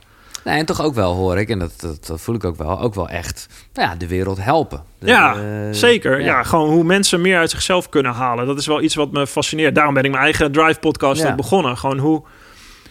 Ja, dus er zitten zoveel aspecten in hoe je, ja, hoe je, hoe je kan leren, ook van andere mensen. Eh, en ook uiteindelijk daardoor over jezelf. Nou, dat vind ik het mooie. Jij eh, sowieso, ik weet niet zo goed hoe ik het uitspreek, maar ik ken dat wel heel erg van Serious Request in Enschede. En de Zwarte Cross. Norber, Norbers, Norberschap. Norberschap. Norberschap, ja, No- is het bijna goed. Ja. Ja, nou ja, goed. In Ja. ieder geval een mooie eh, term uit het oosten waarbij je elkaar helpt. Ja. Hè, gewoon je buren en je omgeving. Goed nabuurschap Ja. is het eigenlijk. Ja. Maar wat ik er denk, ik hou er wel van, dat eigenlijk, niet dat het gelijk Mhm. egoïstisch is, maar het is gewoon, ja, ergens kan je zeggen, dat is gewoon een overlevingsmechanisme van de Ja. mens, zeg Ja. Ja, dat, of zegt dat- het stoïcisme. Ja, ja, dat komt uit de Stoïcijnse Ja. filosofie. Hè? Het is, eh, dat beschrijf ik ook in mijn boek. ehm, hè, dat, dat, je, dat je als team. Er is niemand die iets alleen doet op deze wereld. En eh, dat is een beetje de valkuil van persoonlijke ontwikkeling en, en eh, zelfhulp. Mhm. En natuurlijk dat je heel erg gericht bent op jezelf. Ja, naar binnen gaan. Naar binnen gaan. En Ja. dat is ook een valkuil van autonomie. Dat je denkt, nou, ik wil autonoom zijn. Ja. Dus een valkuil is als ik vrij ben en ik mezelf ontwikkel, dan heb ik het goed en dan, eh, nou, dan, dan zijn we er. Nee, we leven alleen maar in samenwerking met anderen. Dus als we dat samen kunnen doen, samen dingen kunnen ontwikkelen, daar zit, en dat weet iedereen in de kern eigenlijk, daar zit veel meer plezier en veel meer ja, liefde en, en gave dingen in. Maar diep van binnen, dat zegt het stoïcisme eigenlijk ook inderdaad, dat zeggen de stoïcijnen, die zijn ook niet helemaal gek natuurlijk, verre van, zeer wijs. Zeg ja, in ieder mens zit een soort overlevingsmechanisme. Ja. En dat is natuurlijk waar. Weet Ja. je, we zijn biologische wezens. Wij zijn, eh, kijk naar de dieren. Ik heb, ik heb een paar jonge eendjes die bij ons in de tuin lopen. Die zijn met één ding bezig. Moeder moet komen. Pep, pep, Eten. pep. Ik moet eten. Ja, ik ja, moet ja, overleven. En de oude eendjes die zijn bezig. Ik moet voortplanten. Want nieuwe. Zo werkt het natuurlijk eh, in de menselijke natuur ook. Dus het is een hele eh, eh, soci- sociale waarde. Samenleven met elkaar is gewoon een strategie ook om te overleven. En het is niet eens of dat de reden is, maakt niet uit. Het geeft ons leven waarde. Wat wij voor anderen kunnen doen, krijgen we terug. En als we dat samen doen, dan wordt het leven mooier. En dan kun je elkaar helpen. En dat is een beetje waar Norberschap, waarom ik dat Ja. voorbeeld ook aanhaal. Hè, in het oosten van het land ehm, heb je, dan had je vroeger afgelegen dorpen met boerderijen. Ja, daar, daar was geen ziekenauto of zorgverzekering. Nee. Nooit van gehoord. En je ziet natuurlijk dat vroeger ook in alle andere landen en culturen ontstaat dat ook. Gaan mensen elkaar helpen en heb je een soort systeem dat, eh, dat je Ja, afspraken maakt met elkaar. Het. Een soort zorgverzekering is het. dat de boer in de Noorberschap, als, als die ziek werd of overleed, dan waren het de buren die de boerderij overnamen eh, en draaiende, zor- eh, draaiende hielden. Dus dat is een soort ongeschreven afspraak. En er hoorden allemaal nog andere regels bij. Mhm. Die, eh, die, het- hè, waar we, die we wel eens vergeten, denk ik, in de huidige maatschappij, die heel erg gericht is op individualisme, op persoonlijke ontwikkeling. Ja, dat is fijn. Die vrijheid hebben, super fijn. Maar vergeet nooit dat, eh, dat ik, hè, als ik als atleet iets wil bereiken, en dat wilde ik, of nu met First iets wil bereiken, Ja. ik, dat doe je met een team. En dat ja. wordt leuker met een team. Het is eh, onderdeel zijn van een synchroon schaatsend treintje in plaats van een kippenhok met ego's, noem ik het wel. Ja. Het, het laatste is geen fluit aan. En het eerste is gewoon heel inspirerend. Teambelang is je eigen belang. Teambelang is je eigen belang, juist. Dat is een van de principes van Ja. de tien principes dus, die in je boek naar voren komen. En wat algemene vraag misschien, maar omdat je het net ook al Mhm. over had over zelfontwikkeling en, en zelfhulp, hoe je het ook wil noemen. Hoe eh, spiritueel ben je eigenlijk? Ja, ja niet zo. eh, zo. Ik, heb, ik heb een beetje moeite met die term. Het ligt een beetje aan wat je eronder verstaat ook, denk ja, ik. dat denk ik ook. Maar als je, daarom moet ik er ook een beetje aan Ja. denken, omdat voor mij eh, was daar, eh, hoe heet ze, Brene Brown, die ooit Ja. mooi omschreef dat spiritualiteit is dat je weet dat je met z'n allen een soort connectie hebt. Ja. En ja, daar zit natuurlijk ook iets onverklaarbaars achter van Ja. hoe werkt het eigenlijk. Ja. Eh, dus dat gaat ook weer eigenlijk over hè, teambelang is je eigen belang, zou je Ja. kunnen zeggen. Nou, wat, je, wat, wat in ieder wijsheid en heel veel filosofieën natuurlijk terugkomt, is die connectie met anderen. En Ja. daar geloof ik, tuurlijk, dat, Ja. is, dat, dat is er. Dat Ja. is wat onze natuur maakt. Heracles, dat was ook een Stoïcijns filosoof, die omschreef het als concentrische cirkels. Dus je bent eerst, de eerste cirkel, dat ben jij. Je familie, eh, ik noem het drone shots van je leven in, mijn, in mijn hoofdstuk. Eh, daaromheen zijn je, is je familie, je huis. Daaromheen is je buurt of je, of je stad. Daaromheen je land, je wereld. En uiteindelijk zijn we natuurlijk één groot geheel als mens en als menselijke natuur. Dus goed voor jezelf zijn en, en de rest vergeten is niet goed doen in stoïcijnse zin. Goed doen is eigenlijk net zo goed kunnen zorgen voor jezelf als voor de rest van de wereld. En dat gaat natuurlijk niet van de een op andere dag. Maar dat zou je wel moeten nastreven. Mm. Niet omdat je het moet nastreven voor een bepaald doel, maar omdat het goede is om te doen. Ja. Omdat, omdat daar je eigen leven, het leven daar mooier van wordt. En in die zin, ja, dat, dat is dat top. We zijn verankerd met elkaar. En, en weet je, iedereen, eh, Bibian Mentel, die ik ook in mijn boek noem, Ja. is het een heel mooi voorbeeld. Zegt, eh, wat zij zegt, verzamel herinneringen, niet bezittingen. Dat, daar sluit het op aan. Je verzamelt herinneringen met andere mensen. Dat is wat het leven waardevol maakt. En daar Ja. proberen de Stoïcijnen ons ook naartoe te trekken, waar we wel eens bij afdwalen. En wat ik het enige wat ik heb, als, ik, hè, als je zegt spiritualiteit, daar ben ik zo niet zo van als het doorschiet naar verklaringen zoeken waarom dat is. En dan kom je uiteindelijk uit bij verklaringen van connecties. Van, dan gaat het op een gegeven moment kan het heel ver weggaan bij hier de grond waar we op staan. Mhm. En dan blijft het een soort zweefmolen. En dat, hè, daarom vind ik Stoïcijnse praktische filosofie Ja. heel fijn. Het houdt je gegrond in de realiteit. Maar Van iedere dag. Kijk, jij bent juist iemand eh, die gewoon dingen wil verklaren, die daar dingen Ja. over gaat lezen en zo. Maar hoe, ja, dan toch even, eh, wat, Ja. wat, wat, ja, waarom zijn we met z'n allen? Wat, Ja. wat is, ja, is er een, Ja, dat zijn dus vragen. Dat, dat is leuk dat je die. Mijn, mijn dochtertje die komt daar ook mee. Het zijn natuurlijk. Dit bedoel ik. Dit zijn hele mooie filosofische vragen waar je met een, een, een wijntje of een glas bier of wat je ook wil drinken, met z'n allen heel leuk over kan Ja. filosoferen. Maar dan, daar moet je het bij houden. ja, precies. Je moet er niet Het levert niks je op. moet niet je leven in gaan trekken. Het Nee. is een best wel hè, hetzelfde zou zijn als hey, hoe word ik gelukkig? Dat zijn die, die, die vraag kan je je stellen. Daar kun je praktische re- leefregels voor toepassen. Maar als je verder gaat van waarom zijn we hier met z'n allen? Wat is het doel van het leven? Nou, ja, eerlijk gezegd, volgens mij komen we daar nooit achter. Volgens mij is het een vraag die je zelf kan stellen waar je helemaal niks aan hebt. Omdat je dat niet gaat weten. En als jij, zolang je nog denkt daar achter te moeten komen en iedere dag jezelf die vraag Ja, moet stellen, ja, heb je hem nog niet gevonden. Nee. Eigenlijk is de vraag stellen, weet je, als je constant iedere dag jezelf de vraag moet stellen, ben ik gelukkig, ben je niet gelukkig? Nee. Ja, waarom zijn we hier? Ik ben hier en nu. Ja, nee. En ik leef hier vandaag en zo goed mogelijk. Daarom Ja. is ook hè, eh, de- dood maakt het leven episch. Dat is een hoofdstuk wat ik in mijn, in mijn boek heb staan. Daarom is bijvoorbeeld het supergoed om, om je voor te stellen dat, eh, of je heel helder voor de geest te halen, dat we gewoon echt maar een stipje zijn dat op het deze leven aarde. eindig is en dat, Dat het leven dan weer drive. Keihard Ja. eindig is. Ja. En dat wat wij hier allemaal doen op deze hele grote aardkloot eigenlijk gewoon totaal absurd is en misschien wel helemaal niks voorstelt. Eh, en dat is een hele zware relativering. Maar zo probeerden de Stoïcijnen het wel te zien. Van Ja. ik, iedere dag dat ik leef, probeer ik zo goed mogelijk te leven.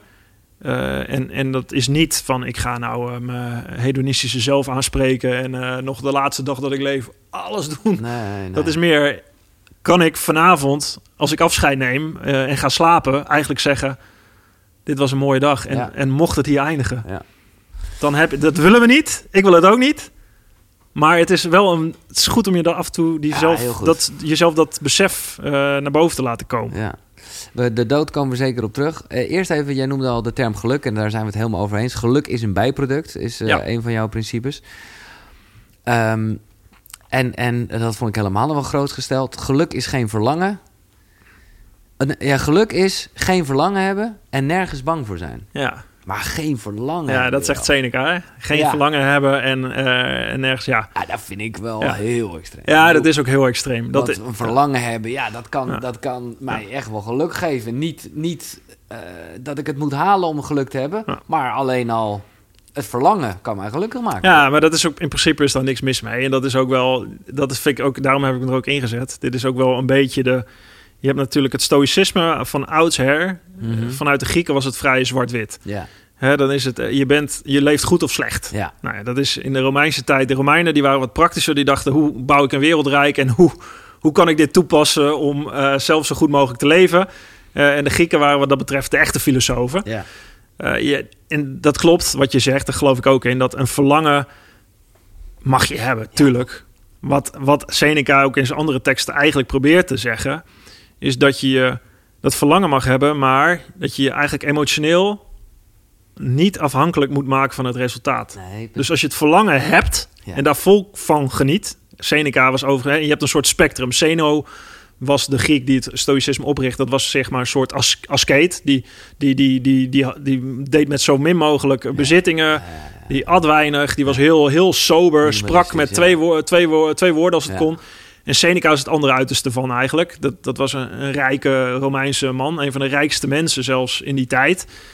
Eh, en dus hè, die, hij werd ook nog wel eens licht hypocriet gezien eh, in de filosofie. hij, ja, omdat hij, hij, hij predikte lekker- natuurlijk lekker onafhankelijk. Ja, ja, Lekker makkelijk als je heel rijk bent. Maar dat wil niet zeggen dat wat hij schrijft niet waar is. Nee. Want wat hij zegt is... Ja, je mag rijk zijn. Ja, dat kan je nastreven. Maar als je jezelf niet kan onthechten van die rijkdom of van dat verlangen... dan word je slaaf van dat verlangen. En dat probeert hij eigenlijk te zeggen met verlangen. Dus eigenlijk gaat het erom dat je... Kijk, als je iets wil, prima. Maar als je het niet haalt, dan moet je eigenlijk de volgende dag kunnen opstaan en zeggen... Ja. Oké, ik heb al mijn vermogen verloren vandaag. Was het een goede dag? Nee, het was heftig. Maar kan ik ook doorleven de volgende dag met, met een rustig gemoed? Heb ik een soort... Hè, ik grap wel eens eh, met Helen van ja, als we eh, hier een kartonnen doos neerzetten of ergens verder zouden moeten, dan zouden we dat ook wel redden. En dat is wel wat daar vastkomt. Dat, dat zegt Seneca ook wel. Hè? En dat bedoel ik met eh, je overtuigingen, examen voor je overtuigingen. Dat is natuurlijk wat iedereen in zijn leven heeft. Ja. Wat ik ook heb in een boekje en wat, ook wat ik zeg. Als het, en wat de Stoïcijnen heel erg zeggen. Pas als het moment daar is, weet je of je het waar kan Dan weet maken. je het, ja, dat is mooi. Ik ben heel benieuwd, eh, want je noemt al een paar keer bepaalde stoïcijnen. Welke boeken je Ja. uiteindelijk hebt uitgekozen. Eh, ik ga heel even snel naar het toilet. Ja, prima. Neem ik nog wat water? Ja, het is, eh, we hadden het vlak voordat we begonnen even erover. Het, is, het, is, het zijn even deze drie van de dag, toch? Ja. Welke boeken je hebt uitgekozen. Want jij, je, lees je nog steeds veel? Ja, ja, ja, ik moet wel zeggen, in de laatste tijd dat je boek afschrijft, dan, eh, dan, dan moet je niet Even, te veel meer lezen, eh, is mijn eh, ervaring. Dus dat kan al wel eens gevaarlijk zijn, want dan kom je er niet meer uit in je hoofd. Nee, ik heb altijd veel gelezen. Ik vind Ja. lezen zo fijn om te doen. Ik lees wel, ik lees heel veel door elkaar heen. Dus ik heb wel altijd vijf, Oh, zes echt zo boeken. halve boeken? Oh, wauw. Ja, en stukken. Oh.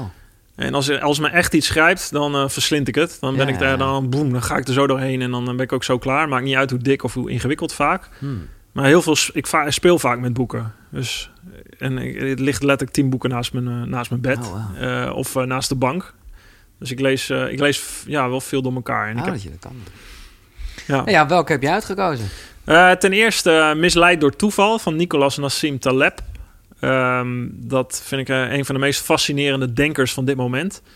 En eigenlijk ook stiekem wel een beetje mijn echte introductie tot het stoïcisme.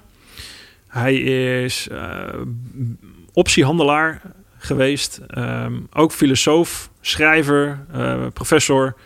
Hij, hij schrijft heel veel over de onzekerheid en complexiteit in het leven, maar ook in economie, ook in geschiedenis. Ehm, en wat hem zo interessant maakt en het boek zo interessant maakt, is eigenlijk dat, dat laatste hoofdstuk wat ik had, waar ik het had over Seneca, dat kwam uit zijn boek, uit, Mm. uit dit boek, Misleid door toeval.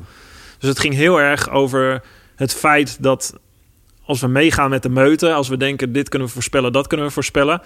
Hè, dus zoals het ook bijvoorbeeld in sport gaat, nou, ook in economie en in Ja. nieuws. de experts worden opgetrommeld en we, dit en dit gaat er gebeuren. Zo heb je het ook in de sport. Ik doe er zelf aan mee. Ik ben ook eh, Analist. bij de Ja. NOS. Hè. Dat, dat, dat, dat vergt het publiek ook. En dat vind ik ook mooi om te Ja. vertellen. Nou, ik denk eh, dat deze gaat winnen. Waarom dan? Nou, dus dit en dit en dit. Dat, hebben, en dat vertelden de mensen eh, over mij natuurlijk ook voor Vancouver. En het gevaar is, is dat je daarin kan gaan geloven. Dus het gevaar is dat je dat, dat het hele hele veld van mensen eigenlijk niet meer ziet wat daaronder gebeurt. En daaronder zat ik als atleet. Ja. Ik ging supergoed. Ik was Ja. in topvorm. Ik was heel scherp aan het worden, maar dat wist ik alleen. Dus ik zat bij een persconferentie twee weken voor die Olympische Spelen. En er was niemand die mij een vraag stelde. Echt iedereen ging naar Sven Kramer, naar Simon Kuipers, naar Stefan Groothuis. En ik zat daar in een hoekje.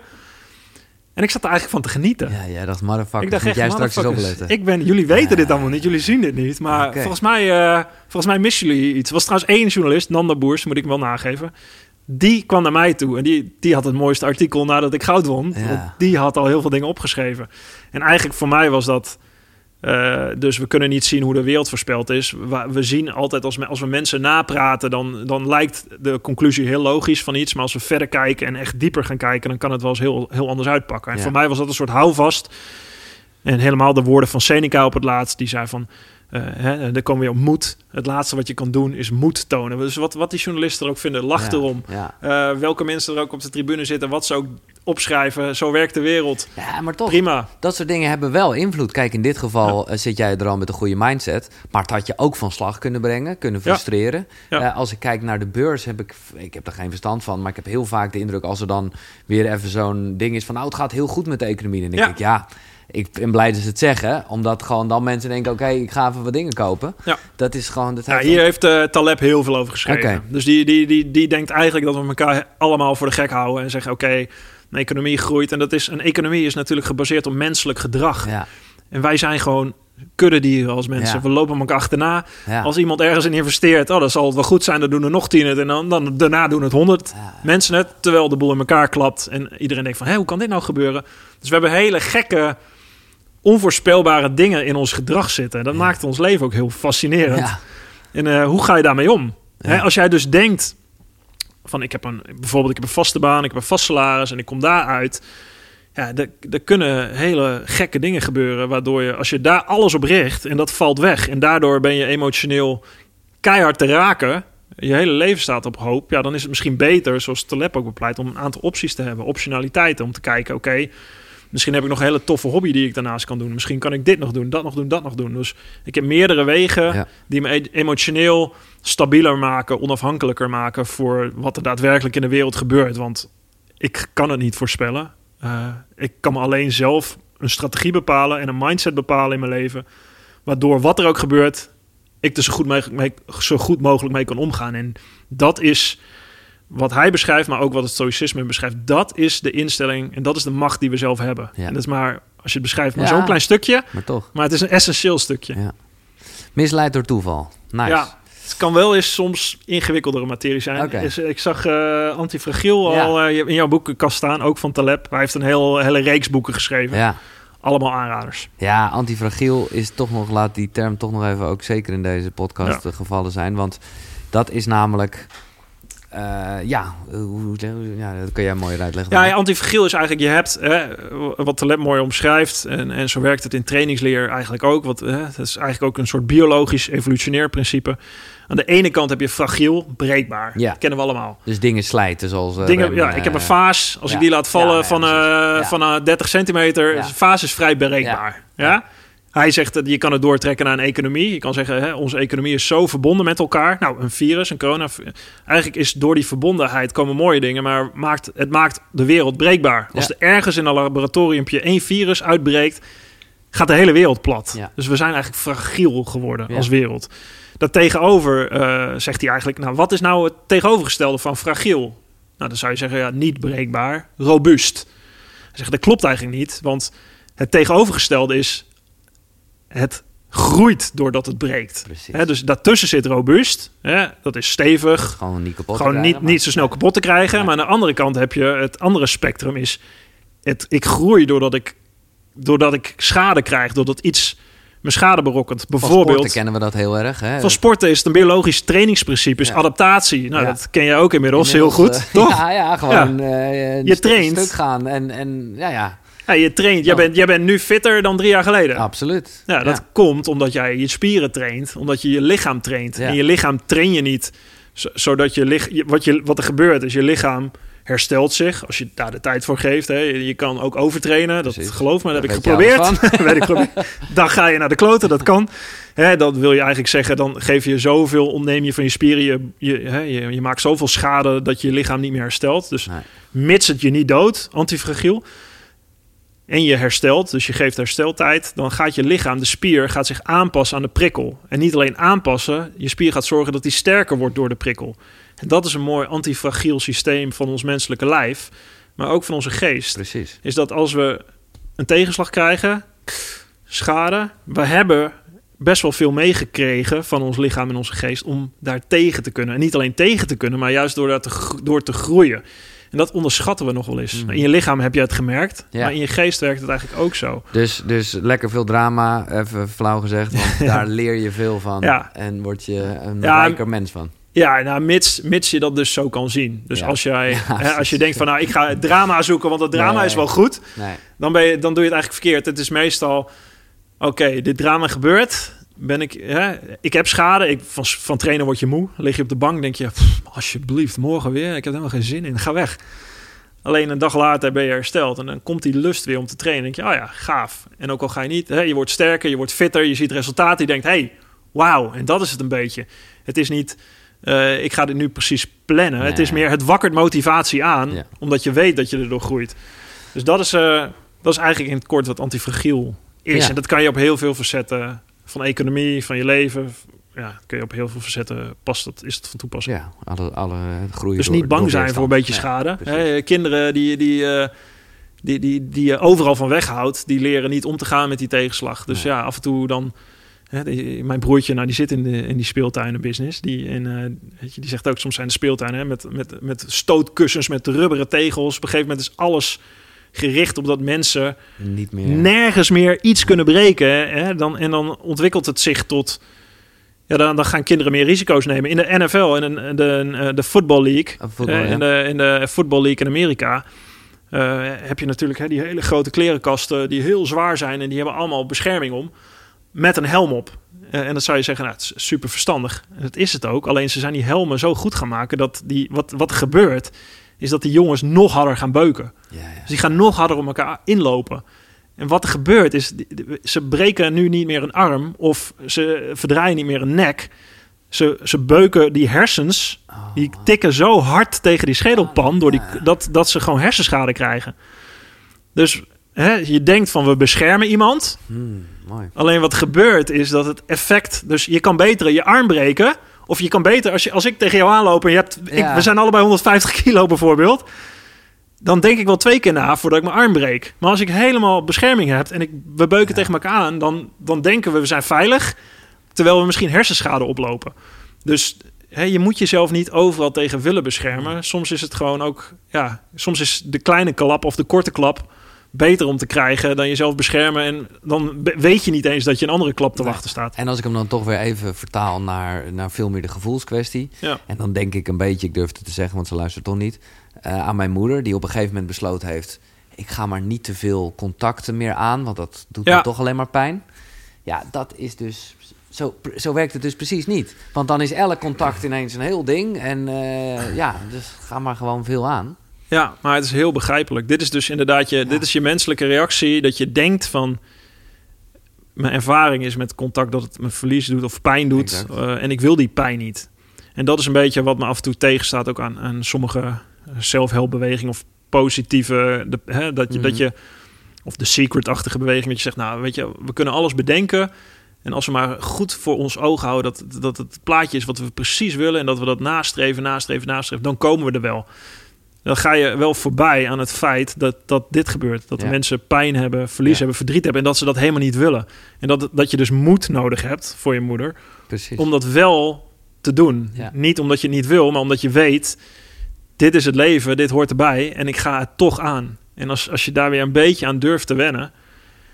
dan ga je weer Dan ben je dat weer aan het trainen. ja, dan ben je dat aan het trainen en dan kom je erachter dat je daar dus tegen kan. En als Ja. je daar dus achter komt, dan neem je de volgende stap. Ja. En zo werkt het. In plaats van heel hard tegen jezelf roepen: ik kan dit, ik Nee, moet dit. true. Klein beetje moed zou, eh, zou je helpen. Ja, en dat is dus de angst voelen, maar toch actie. Ja, ja, het is een heel mooi voorbeeld Ja. wat je hier zegt. Dat is eh, absoluut waar. Als je alles kan trainen, hè, dat is een beetje een grote uitspraak, Mhm. maar daar- ik geloof er wel in. Hoe eh, heb jij enig idee hoe je intuïtie kan trainen? Ja, ja voor mij is intuïtie... ehm, intuïtie heeft heel veel te maken met veel verschillende dingen doen... en leren hoe jij ergens op reageert. Dus ik geloof heel erg in eh, dat, je, dat je dingen juist moet aangaan... en dat je daar je intuïtie mee sterkt. Dus ik denk niet dat intuïtie iets is wat er zomaar is... en eh, nou, ik, ik, durf op mijn intuïtie te vertrouwen, dus ik weet wel wat ik moet doen. Nee, je intuïtie staaf je. Mhm. Dus het is een soort proces door te leren en te doen, door te knutselen, eh, waardoor je die intuïtie opbouwt. Eh, en daar geloof ik, dat is denk ik de training. Het is het leven aangaan, doen. je intuïtie opbouwen. Het is niet iets van, oké, ik kan dit en dit en dit doen en dan heb ik mijn intuïtie getraind en dan weet ik wat ik moet doen. Het is iets wat, wat constant verandert en waar je, waar, je, waar je op het proces wel moet durven vertrouwen. Dat eh, als je het hebt over complexiteit, hè, wat Taleb het dan veel over heeft, is je kan ook niet.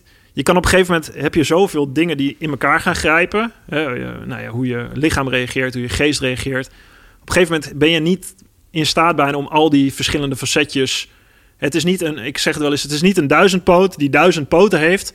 En dan voor iedere poot gaat uittekenen. Nou, die poot moet zo bewegen, die en die. Die en die en die. Intuïtie is voor mij meer de muziek aanzetten. Ja, En kijk maar hoe je duizendpoot gaat dansen. ja. Je hebt hem getraind, Ja. hij heeft geleefd, hij weet wat hij moet doen. Zet de muziek aan en ga dansen. Dat is een beetje wat mijn, voor, mij, voor mij intuïtie is. Het, het juist uit je gedachten gaan en eh, erop vertrouwen dat, dat het wel gaat gebeuren. Dat je lichaam het over gaat nemen en je geest. Heel mooi. Eh, ja, boek 2. Boek 2, Ja, dat is eh, de meditaties van Marcus Aurelius. Marcus Aurelius... eh, dat is eigenlijk een soort dagboek, toch? Ja, ja, het is ook, ja, dat is een, eigenlijk wat Marcus Aurelius deed, was aan het einde van zijn leven, eh, schreef hij eh, eh, zijn, zijn persoonlijke notities inderdaad aan zichzelf als een soort dagboek. En dat is niet een dagboek met hele uitgemeten verhalen. Eigenlijk heeft Marcus Aurelius altijd eh stoïcijnse filosofieleraren om zich heen gehad. Dus van jongs af aan werd hij al voorbestemd om keizer te worden door zijn eh, adoptief grootvader. Die had zelf geen kinderen. Eh, en Marcus was al een hele ijverige, jonge, goede student. Dus nou, lijkt me goed dat die eh, keizer later gaat worden. Er zat nog een keizer tussen. Maar toen hij uiteindelijk keizer werd, ook wel tegen zijn wil. Omdat het Romeinse hof, dat was niet, dat zeg maar... Als het idee hebben dat politiek af en toe wat corrupt is... of, of dat, daar, eh, dat we daar eens op schelden. Nou, in de Was Romeinse tijd was dat gewoon een en al corruptie. En als je als keizer af werd gezet, dan mocht je blij zijn als je familie eh, het overleefde, die daarna nog kwamen. Want dat, dat was gewoon machtsstrijd. Dat was gewoon, dat, dat, nou, dat was niet, niet heel leuk om te zijn. Helemaal niet als je hele mooie stoïcijnse waarden nastreeft in je leven. Maar hij, hij vond het toch zijn plicht om dat te gaan doen. Dus hij werd leider van het Romeinse Rijk. Hij had te maken met een pandemie. Goh, we hebben dat eerder gehoord. Ja. Hij had eh, een hele grote pandemie die het hele Rijk teisterde. Was overigens een pokkenpandemie. Eh, een oorlog tegen de Germanen. Een, een, van zijn beste generaals die hem, eh, eh, die hem een loer draaide. Nou, er gebeurde heel veel. eh, zeven, acht van zijn eh, veertien kinderen die eh, du- gedurende zijn leven overleden. Dus hij, hij, wat hij in zijn, de looptijd van zijn leven achterkwam, is dat hij de lessen die hij had geleerd over Stoïcijnse filosofie, dat hij die aan zichzelf moest blijven herhalen. Gewoon om goed te blijven leven, om gezond te blijven mentaal. En al die lessen, die, die schrijft hij op in eigenlijk een soort kleine stukjes eh, in de meditaties.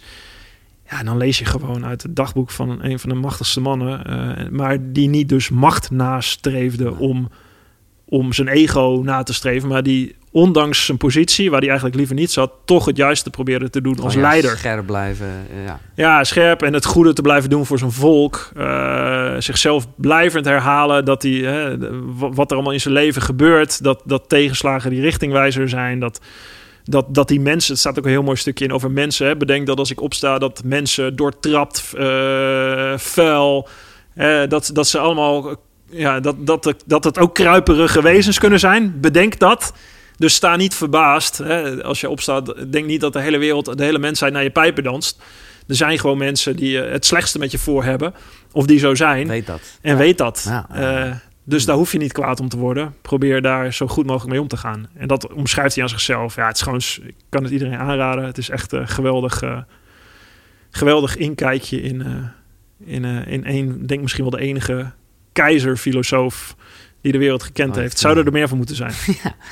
En wat is je derde boek?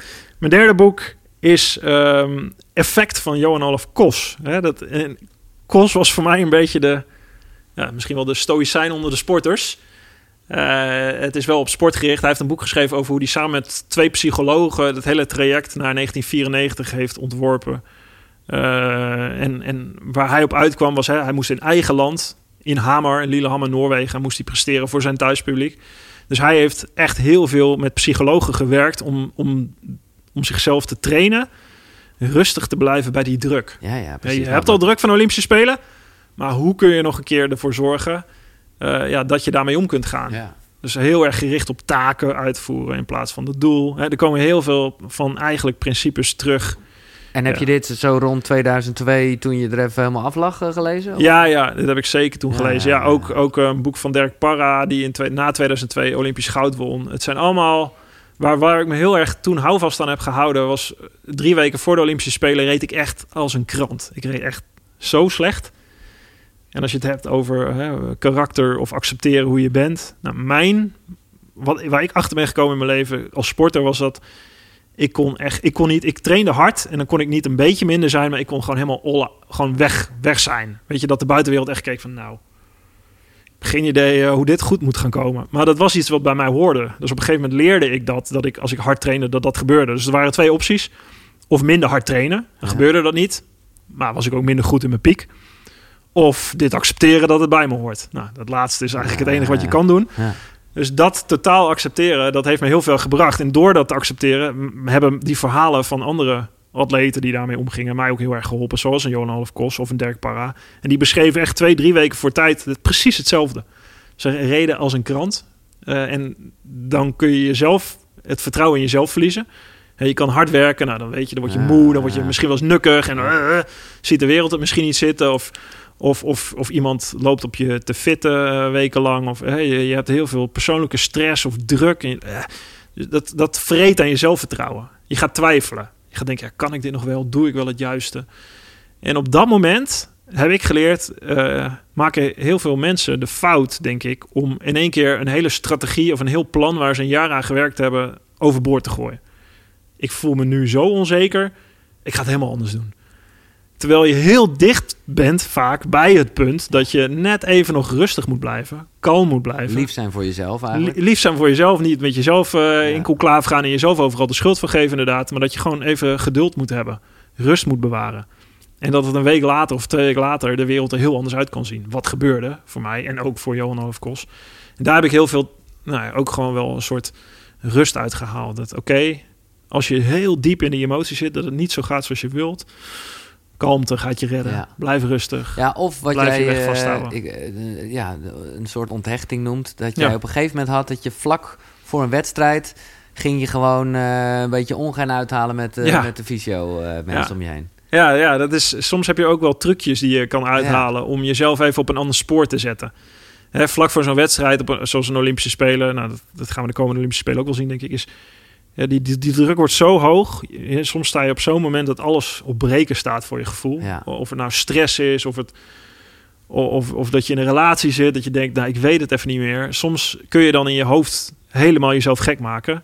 En om jezelf eruit te halen, wat ik probeerde, was bijvoorbeeld echt naar mijn fysiotherapeut gaan, die naast me stond, een half uur voor de wedstrijd. En dan was iedereen super serieus bezig van, ik moet deze oefening doen, ik moet dat en dat. En hey, eh, Willem was het volgens mij. Willem, eh, die fysiotherapiepraktijk en zo. Heb je de hypotheek voor je praktijk al afgesloten? Is, eh, weet je, wat, eh, wat is dan, eh, wie gaat het overnemen later dan? Of eh, weet je zeker dat het goed gaat komen? Gewoon, Gewoon even gewoon even totaal, gaat helemaal nergens over. Dat iemand, daar heb jij het in godsnaam over?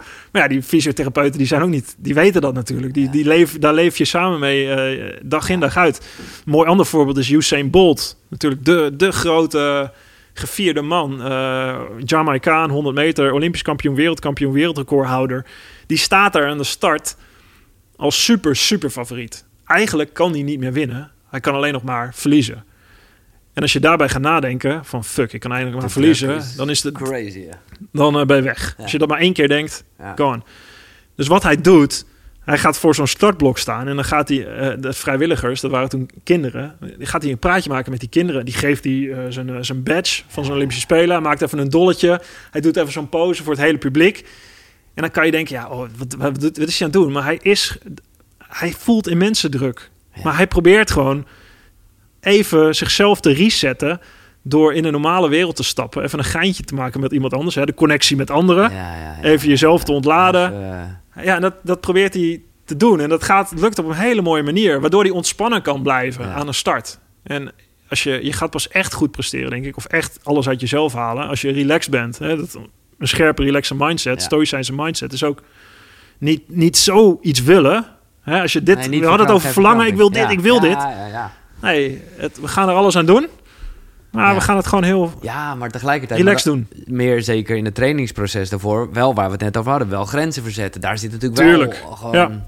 Je moet grenzen verleggen. Eh, alleen eh, eh, je moet proberen te zorgen dat als het een verkramping wordt, Nee, dan snap ik. Dan, dan, dan werkt het niet. Nee. Maar dan vraag ik me af, want je bent dus jarenlang echt wel een strebertje geweest in dat trainen. En dat is ja, ook een soort tweede natuur. Hoe, Ja. Nou ja, hoe ziet nu bijvoorbeeld jouw ochtendroutine eruit? Hoe staat Ja. Mark Tuitert op? Ik heb, ik heb geen wekker. Dus ik denk dat mijn vrouw, Helen, staat denk ik om ik denk kwart over zes, half zeven op. Ik meestal een half uurtje later. Zeven, zeven uur, kwart voor zeven, zeven uur sta ik denk ik op. Eh, gaan we naar beneden, dekken we de tafel. eh, gaan we, ga- meestal doe ik tien minuutjes, kwartiertje even iets achter de computer. Dus even kijken. bam. Meestal wel, ja. Meestal is het Ja, eventjes nog even dingen die ik in mijn hoofd heb voor de dag. ja, zo, ja. Of van gisteren, dat ik denk één, twee dingen, tik, tik, of twee mailtjes versturen. Dan denk ik, oké, dan heb ik die uit mijn hoofd. Dat doe ik niet de avond van tevoren, want dan neem ik ze mee naar bed. Dat ga, ik vertrouw erop dat ik 's ochtends nog wel een paar dingetjes weet. Daarna lees ik een rustig een krantje, ga ik ontbijten met de kinderen, met gezin. Maar we gaan echt wel iedere ochtend. En dat, dat is ook wel, ja, vaak voor corona zat ik dan al wel in de auto om acht uur. Maar Ja. nu is het echt tussen half acht en kwart over acht. Ontbijten we met z'n allen. Krantje erbij. Eh, meestal gaat Helen dan naar de werk, acht uur, kwart over acht. En om half negen, kwart over acht, half negen ga ik of naar kantoor of ik begin thuis aan mijn werk. Dat is een beetje afwisselend. Maandag, eh, vandaag eh, was ik om negen uur bij ons op kantoor. En hebben we maandagochtend een meeting. Maar het, het zit helemaal geen sport meer in de ochtend. Nee, dat deed ik voor corona wel. Oké. Dan begon ik met sporten. Maar ik moet zeggen dat ik ehm, dan en mijn wekker moest zetten. Ja. En eh, de kids helemaal klaar. Dat was, dat was meer stress. Ja, dat was meer van, oké, ik, ik wil weer sporten. Ik probeer nu het sporten... En ik, ik doe ook intermittent fasting. Dus ik, ik eet of ontbijt Dus dan niet echt. Niet, je doet niet mee met het ik ontbijt? doe mij nee. niet mee met ontbijt. Ik drink gewoon een, eh, een theetje. Ja. Eh, en af en toe doe ik een week niet hoor. Dan doe ik gewoon mee. Maar in, de- ik vind het fijner om dan, hè, daar heb ik ook gegeten, en dan om tegen de middag, einde van de middag te gaan trainen. Dus dat doe ik nu meer. Of als ik dat niet red, dan eh, doe ik het. ehm, als Helen dan de kinderen naar bed legt, dan, doe ik, dan ga ik dan trainen. Dus rond de acht uur s'avonds. Ik moet zeggen, dat is wel, dat geeft. En ik ben daar niet, ik ben niet zo strikt in dat, zeg maar, ik moet nu dan en dan trainen. Ik probeer het meer echt 's ochtends dan wel te bepalen. Van oké, Mm. waar in mijn dag kan ik een training doen? Doe hem daar. Maar hoeveel keer per week eh train je? Uh, ik denk misschien één dag niet. Nee, precies. Dus Oh, zes, zes, vijf, wel, zes eh, keer per week. ja, maar ja. ik, ik, het is niet dat ik vijf, zes keer per week in het krachthonk eh, drie kwartier aan het rammen nee. ben. Jullie Heel- hebben ook zelf gewoon eh, op kantoor een Eh, eh, zelf gym. Op kantoor hebben we inderdaad spullen. En eh, ik heb thuis een eh, halter met gewichten. Die heb ik al in 2000 heb ik al van die stuitergewichten gekocht. Ah, ja. die, waren, die waren toen nog nergens te krijgen. Nee. Eh, dus die, heb wel, ik, die heb eh, ik nog steeds. Die ja. doen het heel goed. En een stang, en dat vind ik ook wel fijn. Ik, ik heb wel thuis, ik heb niet zoveel nodig. En ik train soms een half uurtje.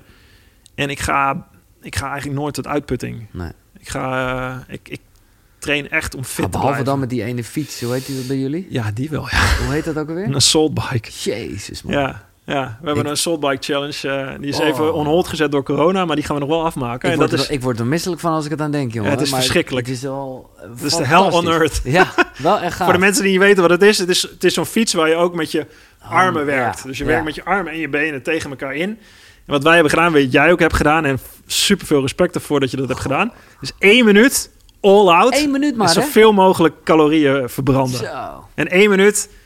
Wij deden als sporters, wij hadden dan een training en dat was een halve minuut. Eh, een Wingate test noem je dat. Dus een halve minuut en, dan- en eigenlijk in je hoofd Waarom een halve minuut? In je hoofd kun je een halve minuut max, dan start je maximaal. Als iets in je hoofd, als het langer duurt dan een halve minuut, dan ga je, en... ook al zeg je van Ja, niet, je ja, gaat in je ja, hoofd oh, al een oh, klein leuk. beetje inhouden. Ah. Dus een minuut is super zwaar, daarom doen we een minuut. Maar eigenlijk een, in een halve minuut, dan, dat is in je hoofd kun je dan zeggen, ik ga all out. En dat waren de zwaarste testen of trainingen die ik ooit heb gedaan. Dat was gewoon helemaal jezelf leegtrekken in een Ja. minuut. Maar ik hoor in deze routine, rituelen, eh, geen meditatie. Nee, nee, Nee, nee. het geprobeerd? Eh, ja, oh, zeker wel. Ja, ik doe wel. ehm, ik, ik, heb, ik heb wel drie of vier momenten op een dag waarin ik echt bewust ademhalingsoefeningen ja, ja, doe. nou ja, precies. Maar dat is echt zoals. Gewoon, zeg maar, die flow van adem. Dus niet, niet Nee. hakkelig adem proberen te halen, maar even gewoon als ik in de auto zit, even die rust proberen te pakken. Maar meditatie eh, heb ik ook wel geprobeerd, maar ik, ik hou het niet langer vol dan één of twee weken. Nou, En ik moet zeggen dat ik ook heel weinig mensen tegenkom die dat heel lang volhouden. En het, als je het lukt, top. En ik denk dat het heel goed is voor je mentale rust. Maar ja, dat is, ach, dat is met alles ook. Je kan er ook in doorschieten, denk ik. Het is Dat voor, kan. mij, voor mij is meditatie heel erg gebonden. Dat is voor iedereen individueel persoonlijk gebonden natuurlijk. Voor mij is het heel erg... eh, als ik op zee sta met, met, een, Precies. met een vlieger, met een kiteboard... En, Ja. en de zon gaat onder. En dat is voor mij meditatief. Dan heb Ja. ik mijn horloge niet bij me, mijn tijd niet bij me. Ik, ik, ik, ik, ik heb altijd wel ergens de connectie met mijn lichaam nodig... om of ik ski of, of, of de natuur. Ja. Ik vind de natuur ook echt zo, zo super, zo gaaf. En nog Ja. journaling, dagboek, eh, iets? Dat, eh, ja, dat, dat, maar dat ben ik ook minder... Ik, ik ben niet zo strikt in dat moet ik iedere Nee, dag doen. precies. Ik ben meer Ah, van... eh, ik, ik, ik heb, als je mijn journaling... En ik heb ook niet... Dat heb ik ook wel geprobeerd, dat ik één boekje heb. Het is wel grappig als je mijn bureau zou zien. Daar liggen... Ik heb eigenlijk overal van die A4'tjes die ik dan uitprint. En dat je weet, zijn van die bedrukte kantjes aan één kant. Ja. En die, eigenlijk heb je er niks meer aan na een paar dagen. Dus ik heb overal de achterkant. Dat vind ik dan ook zonde om papier te gebruiken. Dus er liggen overal van die, van die blaadjes in de prullenbak. Ik dacht, ja, maar ik kan gewoon net zo goed die blaadjes omkeren. En daar schrijf ik dan aantekeningen op of gedachten in Ja. op die ik heb. Dus op mijn bureau liggen denk ik vijf of tien van die hele slordige blaadjes. Als je ze zo zou zien, dan zou je echt geen... Daar zou je helemaal niet wijs uit kunnen Maar worden. Voor jou? Voor mij werkt het op een of andere manier. Het is een beetje eh, on the fly eh, notities maken. En ik doe wel, hè, als je het over bijvoorbeeld dankbaarheid is. Het zijn wel dingen die ik, ik, ik... Ik heb mezelf al getraind om dat heel vaak te bedenken. Ook gewoon s'avonds vaak van... Holy, wat ben ik dankbaar dat ik, Ja. dat ik gezond ben. Wat ben ik dankbaar dat ik een gezin heb. Dat ik woon waar ik woon. Dat ik doe wat ik doe. Nee, ja, blijkbaar zitten gewoon een aantal... Kijk, ik merk dat ik gewoon heel erg die vastigheid nodig Ja. heb... omdat het anders niet wordt. Maar ja, zo bij jou is het gewoon heel natuurlijk. Ja, voor mij is het veel... eh, ik heb heel veel weerstand tegen hele... Misschien omdat ik altijd van die, van die, Ja. van die trainingsschema's had. net zeggen. dus- Van heel erg gepland. Ik wil geen slaaf worden van mijn Nee. agenda. En een ijsbad? Of een ijsdouche? Ja, ja, hetzelfde. Dat, dat, ik Af heb en het, toe. ja, af en toe als het uh, uitkomt en als ik, het, als ik er echt behoefte aan heb en als, als ik dat zo voel. Leuk om te lezen, Maar, vond uh, ik dat uh, Seneca gewoon uh, ja, ja. dat al deed. Ja, Seneca die, die, vast, die vaste, die, uh, ja, net rond onze jaartelling. Ja. Dus net tussen uh, 0 en uh, 50, 60 voor Christus. En dat zit in heel veel oude culturen ook. Hè? En wat eigenlijk de Stoïcijnen wel deden was... Uh, en dat, dat stamt al af van Socrates, hè, de, de, de, de godvader van de, van, de, van de filosofie überhaupt. En Zeno kwam daar weer een stuk na, de oprichter van het stoïcisme. En, en zo leefde Zeno ook heel... Ja, hè, matigheid is een belangrijke kardinale stoïcijnse waarde ook. Ja. Dus eigenlijk jezelf te trainen om uh, met weinig te kunnen. Uh, en ook met ontberingen om te gaan. Dus zij deden het niet per se voor alle fysieke benefits die je er nu voor ons zou, zou hebben. Zij deden het echt als een soort training van oké, okay, ik kan met kou omgaan. Hè? Bewust met blote voeten ja, door Athene lopen in de midden in de winter of uh, door de sneeuw. Dat ze echt bewust. Uh, of bewust met heel weinig kleren aanlopen. Ook gewoon als ze voor gek versleten zouden kunnen worden. Daar konden ze tegen, weet je. Ja. Laat iedereen maar zeggen wat ze vinden. Ik, een soort dat, challenge eigenlijk. Ja, dat deden ze bewust. Dus ja. bewust echt, hè, dat hadden ze... Stoïcijnen zijn in die zin zijn ze heel erg gelieerd aan de cynische filosofie. Nou, de beroemdste cynicus was Diogenes.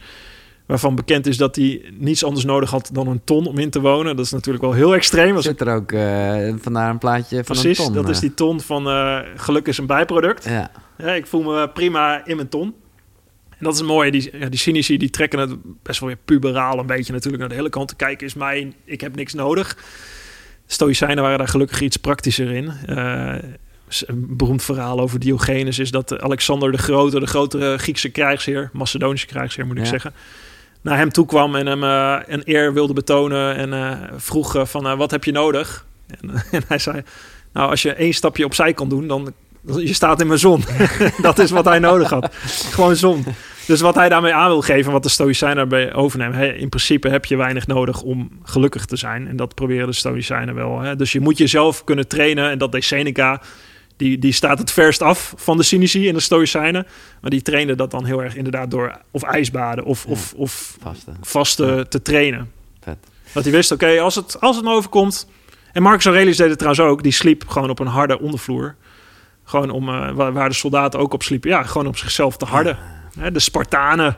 Ja. Ook uh, veel van invloed.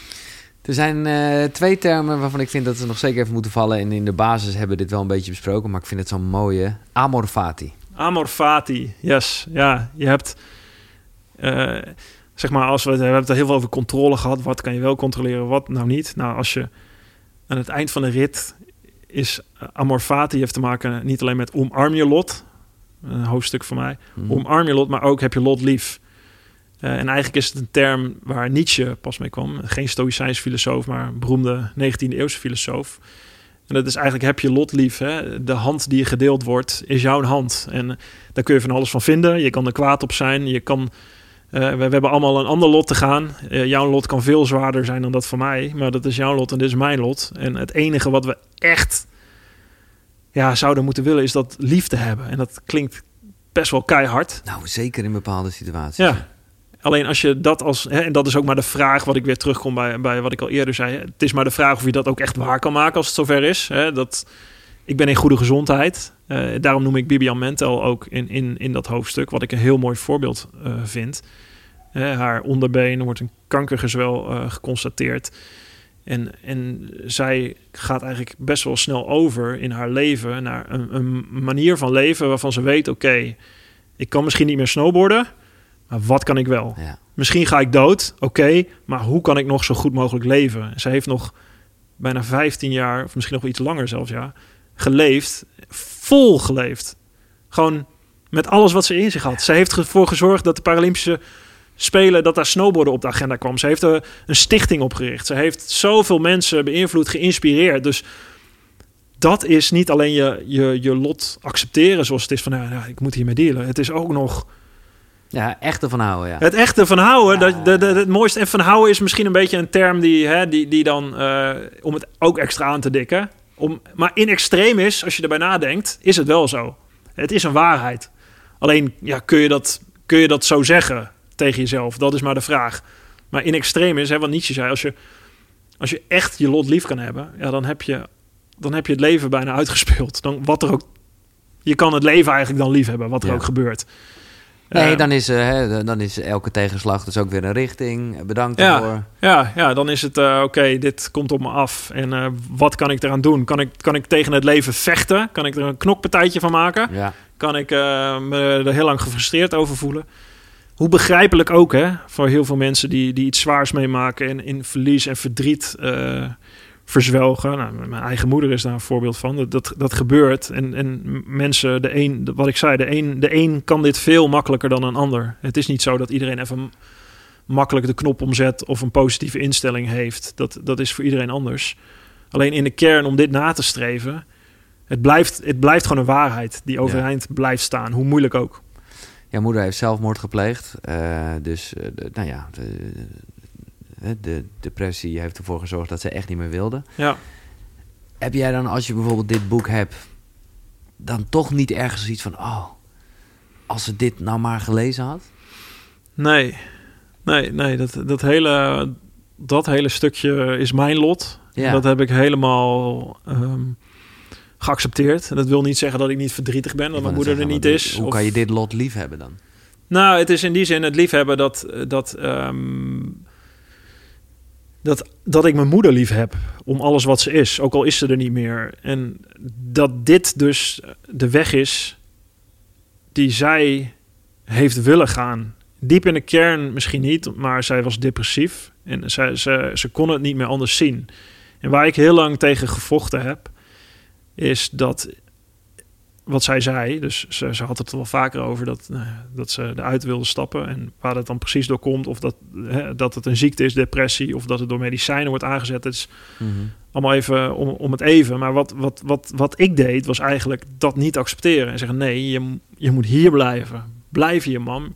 Eigenlijk, hè, deze, ook deze regels. Kom op, mam, je moet Ja, ja, Denk anders, doe dit, doe zus, doe zo. Je kan het controleren.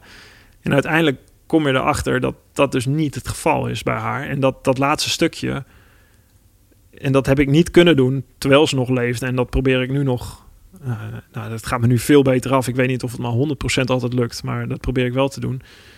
Is eigenlijk naar mijn moeder zo kijken van ja, het, het afscheid wat zij had was heel mooi nadat ze dood was. Maar misschien hadden we dit wel veel eerder moeten accepteren dat zij dit wilde. En dan hadden we daar haar gewoon in moeten begeleiden en naar haar moeten luisteren. Als dit echt is wat je wil, dan, nou ja, dan gaan we daar niet tegen knokken. Maar dan gaan we met je mee op die golf. En dan zien we wel waar die golf eindigt. Misschien zelfs wel een principe wat we nog niet behandeld hebben. Als je minder oordeelt, begrijp je beter. Ja. Ja, zeker. We, we, we zitten allemaal zo vol met oordelen. En ik ook. en Ja. dat, dat is ook lo- logisch. Dat hoort bij onze natuur. Dat doen we ook om dingen in te schalen. En een onderscheid te maken tot wat wij belangrijk vinden en wat niet. Maar de fout is, of tenminste denk ik... Het, wat, maar het fout weet ik niet. Het is, het is wat het leven af en toe ingewikkelder maakt. Dus, is dat je mensen wilt veranderen. Ehm, of je... Vanuit liefde natuurlijk. Ja, nou, ja, dat, ja, nou, weet ik niet of dat altijd uit liefde is, weet je. Misschien is het wel dat je mensen wilt veranderen... omdat je daar zelf Ja. makkelijker van kan leven... of beter mee om kan leren gaan. Misschien is echte liefde wel iemand helemaal accepteren zoals die is... Zo. en alles wat daarbij hoort. Hè? Want vaak, dat is denk ik het punt dat je... tenminste, dat heb ik ook... misschien ook wel richting mijn vader... dat schrijf- ik ook in mijn boek... is dat je als je zegt dat je alles accepteert, maar er zit nog ergens 5 of 10 procent waarvan je denkt, ja, dat weet ik niet. Nee. Dat, dat is Daar nog zit niet, het hem. daar zit het hem in. ja, en dat, dat, dat is, dat probeer ik steeds meer los te laten en dat lukt me ook niet altijd. Maar dat, daar zit wel veel in. Hè. Kun je het echt accepteren, Ja. maar ook echt, hè? Ja, ja. Of zit er altijd nog een soort ondertoon in van een oordeel? En dat probeer ik bijvoorbeeld ook, ook met vrienden. En dat, dat, dat is wat de Stoïcijnen als heel groot voorbeeld zien. Socrates. Is, Socrates wordt gezien als de meest wijze man in de klassieke oudheid en misschien wel op aarde. Niet omdat hij wist hoe de wereld werkt, maar omdat hij juist Wist dat hij niks wist wist. dat hij niks wist. Ja, Wat je nog enigszins cynisch kan afvragen of je dat dan ook kan weten. Maar ja.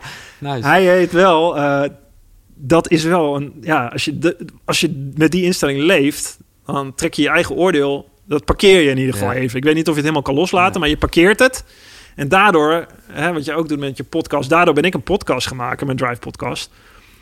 Dat je echt oprecht geïnteresseerd bent in wat iemand anders Mhm. vindt en denkt. En daar vind ik jou ook een mooi voorbeeld van. En de, en de, de, de route die jij hebt meegemaakt. Weet je, dat als je, als je, daar ga je je openstellen. En natuurlijk heb je nog wel een denkrichting nodig en een frame van kan ik hier iets mee? Of is dit wel, of vind ik dit onzin of niet? Of wel of Ja. niet? Dat, dat blijft. Maar de diepe interesse en zoektocht en de juiste vragen stellen, dat brengt je ver. Want dan kom je erachter misschien wel dat je beste vrienden of je ouders op een manier denken waarvan je denkt, hé, hey, zo heb ik het nog nooit Nee. bekeken. En dat is fascinerend in het Dat is, dat is te gek. Wat, wat heeft eh, je moeder jou geleerd? Ehm, mijn moeder heeft me heel erg geleerd hoe belangrijk het denk ik is om, om, een, ehm, om een familie te zijn, om een, om een eenheid te zijn met, met, een, met een team van mensen. Ehm, omdat zij dat zelf altijd heel belangrijk heeft, heeft gevonden en gemaakt. Zeg maar een soort huiselijkheid, een soort veilige plek waar je als kind thuis kan komen. En ik denk niet alleen als kind, ook als man, vrouw, als, dat dat super belangrijk is. En aan de andere kant eh, ook wel een soort eh, liefde voor eh, de wereld. Ik kom van een boerderij. Mijn vader, mijn ouders, eh, van, eh, grootouders van die kant zijn altijd, hè, dat, dat is, nou ja, dat is boer, zijn heel nuchter, hard werken. Ja. Mijn moeder komt uit het westen van het land. ehm, was ook veel meer geïnteresseerd in, in holistische geneeskunde en allemaal andere kanten van, van de wereld. Dus die, die heeft wel heel veel meegebracht in. En ook in gedrevenheid. Mijn moeder kon heel. ehm, ja, heel erg, eh, heel erg ergens op ingaan. Ergens heel wel zichzelf in vastbijten en daarom vasthouden. Dus, maar wel vanuit liefde. Vanuit, vanuit, vanuit een soort, ja, ja, vanuit een liefde, vanuit een, vanuit een liefde voor een gezin. Maar ook wel, maar ook al aan de andere kant wel een soort ontdekking om de wereld uh, te begrijpen. Maar Kijk, ik, je omschrijft het ook in het boek. Ik vind het echt mooi dat je dit zegt. Want op een gegeven moment heb je het ook op, eh, over... ja, zij zetten alles opzij voor de kinderen. En nu zeg je dat eigenlijk weer met de familie. Ja, voor mij, ik probeer dat te begrijpen. Dat staat dan zo haaks op dan juist uit het leven stappen. Weten dat mhm. jij was net uh, vader geworden. Ja. ja. Dus dat is, ja... Ja, maar kun je nagaan als je... Stel dat, hè, dat voor, voor de kinderen doen... Dat, dat die basis, een basis, een thuis... Dat, dat vond ze heel belangrijk. Uh, als je, als je dat heel belangrijk voelt, dan weet je dat als je een kleinkind krijgt, hoe waardevol het is en hoe fijn dat is en hoe belangrijk dat is. En als je ook, mijn moeder was super slim. Weet je, ze kon af, af en toe met redenaties om de hoek. Ze kon zichzelf ook gewoon met hele moeilijke redenaties. Ik denk, mam, doe even, nu ga je te ver. Dat kon ze ook. Maar zij kon heel goed bedenken dat dat zo was. Dat wij, hè, zij kreeg haar eerste kleinkind, Anna, mijn dochter, onze dochter, die zij wist dat ze wat ze zou moeten voelen daarvoor. Zij wist dat ze dat zou moeten voelen, maar ze kon het niet voelen. Hmm. Dus als je weet dat je dat voelt en je kan het niet voelen, dan wordt dat gat eigenlijk alleen nog maar groter. En als je dat beseft, ja, waar leef je dan nog voor?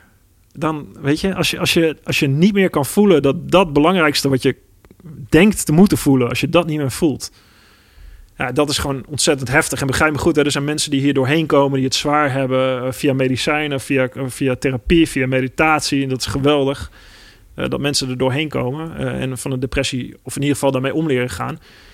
En dat, daar was mijn moeder ook wel behoorlijk eigenwijs in. Weet je, ze wilde geen medicijnen, ze wilde geen hulp, ze wilde geen, ze wilde, hmm. zij wist hoe het zou moeten. Zij, zij was heel rechtlijnig daarin.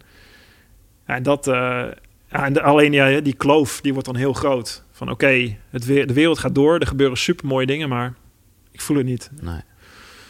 nee, maar dan begrijp ik dat ineens juist wel. Dan is dat juist de pijn en misschien wel een extra reden om te denken, ja, ja. Uh, ja. ik moet hier niet meer zijn. Wow. Ja, wat voor haar werd het echt een extra reden, ja. ja. Als het er niet is, dan kun je het ook nog niet voelen. Of dan, als het er wel is, dan weet je pas dat je niet voelt. Nog een mooie term die ik uh, even erin wil gooien. Ik weet niet hoe ik het uitspreek eigenlijk. Eudaimonia? Eudaimonia, Eudaimonia. Ja. ja. dat is uh, eigenlijk wat de Grieken... Het, wij vertalen het als geluk, maar dat is niet de juiste vertaling. In het Grieks heb je alleen maar verschillende vertalingen voor bepaalde woorden. Waar het veel meer op neerkomt is bloeien, groeien. Dus hè, het is niet het geluk gekoppeld aan een extern resultaat van uh, een tuintje, een huisje, geld, een auto, uh, carrière, status, wat dan ook. Het is gekoppeld aan een soort innerlijk geluksgevoel. Mhm. Wat ook weer gekoppeld is aan de afwezigheid van uh, negatieve emoties. Dus als je jezelf kan onthechten van een aantal dingen, ofwel dingen kan verlangen, maar je van het resultaat kan onthechten. Als je het juiste doet voor anderen, uh, als je de, de, de kardinale waarden in de, in de filosofie nastreeft, hè, uh, wijsheid, rechtvaardigheid, um, moed, moed en uh, matigheid. Ik moest even naar zoeken. Als je, die, als je die goed in je systeem hebt staan en als je daarna leeft, dan doe je het goede. En dan doe je het goede voor de wereld. En doordat je dat doet, in, ieder, in het leven van iedere dag leer je groeien. En dus eudaimonia is niet de afwezigheid van pijn of verdriet. Het is juist in het leven staan met beide voeten op de vloer. En ja, er hoort verdriet, er hoort pijn bij, maar er horen ook hele mooie waarden bij. En er hoort ook een connectie met anderen bij. En als je het leven zo kan zien en daar, daar vol, vol instapt als een rijkelijk stromende rivier, zoals Zeno wederom zo mooi uh, omschrijft, ja, dan bloeien, groeien. En dat is een gevoel, een dieper gevoel, um, wat eudaimonia is. En dat is niet hoe wij het vaak omschrijven als gelukkig. Nee, nee, nee. Maar ik vind, maar goed, het is maar net welk etiket. Hier zit voor mij wel toch een, een soort van spirituele ja. laag overheen. Van ja, wat dat dan is, dat weet je niet. Maar je weet gewoon, even helemaal kort uh, gezegd, wie goed doet, goed ontmoet. Ja, het is, het is een, soort gevoel inderdaad wat je, dat je, waarvan je wel weet of het zo is. Dat is precies dat je, hey, moet je jezelf vertellen dat je gelukkig bent of weet je het dat je het bent. Dat is het verschil. En hoe, uh, hoe uh, ben je dan? ja, heel. Ik ben, ja. ja. ik ben heel erg... Ik, ik, ik, ik probeer heel erg de middenweg te vinden tussen, tussen strategieën, levensstrategieën... die ik in mijn boek beschrijf met die tien lessen... om me te helpen en mezelf eraan te herinneren wat waardevol leven is... dus ik ben van nature is mijn karakter in het. Nou, ik ben niet voor niks topsporter. Ik nee. wil niet voor niks doelen halen als tegenwicht probeer ik gewoon... Moet ik aan mezelf blijven vertellen, iedere dag weer... wat er belangrijk is in het leven. Um, Oké, dit is de eerste keer dat jij het woord moed gebruikt vandaag. Ik was daar heel erg sharp op. Ja omdat ik me dat echt afvroeg. Is er nog iets dat jij moet doen van jezelf? Nou, je blijft herinneren dat je. Ja, nou, ik weet, ik weet niet of dat. Ja, of dat ik. Ik wil dit. Ja, weet je, ik heb altijd met moed, moeten. Heb ik, nee, dat, dat is bij mij een uh, soort uh, trigger om. om ik geloof niet ik geloof niet dat je heel lang iets kan volhouden wat je moet. Nee. Je kan iets lang volhouden wat je wilt. En dat is echt een wereld van verschil. Dus als ik zeg, natuurlijk sta ik ook wel eens op en dan heb ik geen zin om te trainen. Tuurlijk heb ik dat heel, dat heb ik regelmatig. Maar omdat ik op lange termijn gezond wil zijn, energiek wil zijn om met mijn kinderen te spelen, om een bedrijf te runnen, om, om een gaaf leven te leiden, wil ik, en dat vind ik een belangrijke lange termijn waarde voor mij, lange termijn gezondheid, ja, dan, dan ga ik trainen omdat ik dat wil bereiken. Dus daar hangt voor mij een hoger gelegen waarde aan. En dan hou ik het vol. En dan ga ik trainen, hmm. omdat ik dat belangrijk vind. En als ik voor mezelf opschrijf, nou, je moet, Mark, vanda je moet vandaag trainen, Mark. Nee, dan, Ja, het staat in dienst van, het is natuurlijk ook maar net hoe je het omschrijft, maar het, het staat in dienst van die lange termijn waarde. Dus ik, ik ik doe echt dingen in mijn leven, zo probeer ik het echt te doen, omdat ik het echt diep van binnen wil. Maar is er nog een soort goal? Is er nog een soort iets wat je heel graag wil behalen? Uh, ja, ik wil, ik, wil, ik wil met First echt een heel gaaf bedrijf bouwen waarmee we de energy, de energy gun markt, of de, de functional gun markt, kan ik beter zeggen, in Europa, uh, veroveren. En misschien daarna ook wel de wereld. Maar eerst maar eens Nederland. Ja, Daar zijn we nu leuk op weg. Dan Europa, dan de wereld. Zo ambitieus ben ik ook wel weer. Ja, lekker. Uh, en dat, uh, en dat wil, ik, dat wil ik wel doen op een manier. Ja, ik heb nog wel een paar ideeën, maar die staan heel hoog op mijn agenda. Maar die, ja, die durf ik eigenlijk niet te zeggen, die doelen. Oh. Omdat, omdat ik die nog niet waar kan maken binnen een jaar en twee jaar. Dus dan, dan... En hebben die met First te maken? Ja, ja die ah, hebben zeker met First te maken. Ja, ja, we hebben wel een paar hele mooie ideeën. Alleen, wij moeten eerst nog andere dingen waarmaken om daar te komen. Dus dan is het voor mij, uh, zeg maar ik zeg wel eens, hè, dan ben ik, ik, ik voel me af en toe wel eens als die schaatser die nu net mee mag doen aan een Nederlands kampioenschap. En als ik dat nu zou gaan roepen, zou ik zeggen, ik, uh, jongens, ik ga de gouden medaille winnen. Weet je, dat, is, uh, dat, dat, dat moet je pas roepen op het moment dat je dat ook kan waarmaken.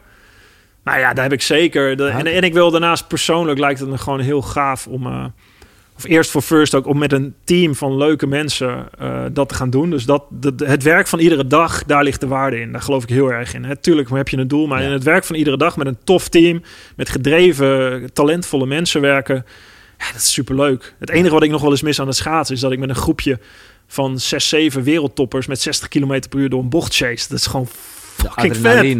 Dat is zo gaaf. Met de beste mensen ter wereld op jouw vakgebied werken, iedere dag en dan op zo'n hoog niveau acteren.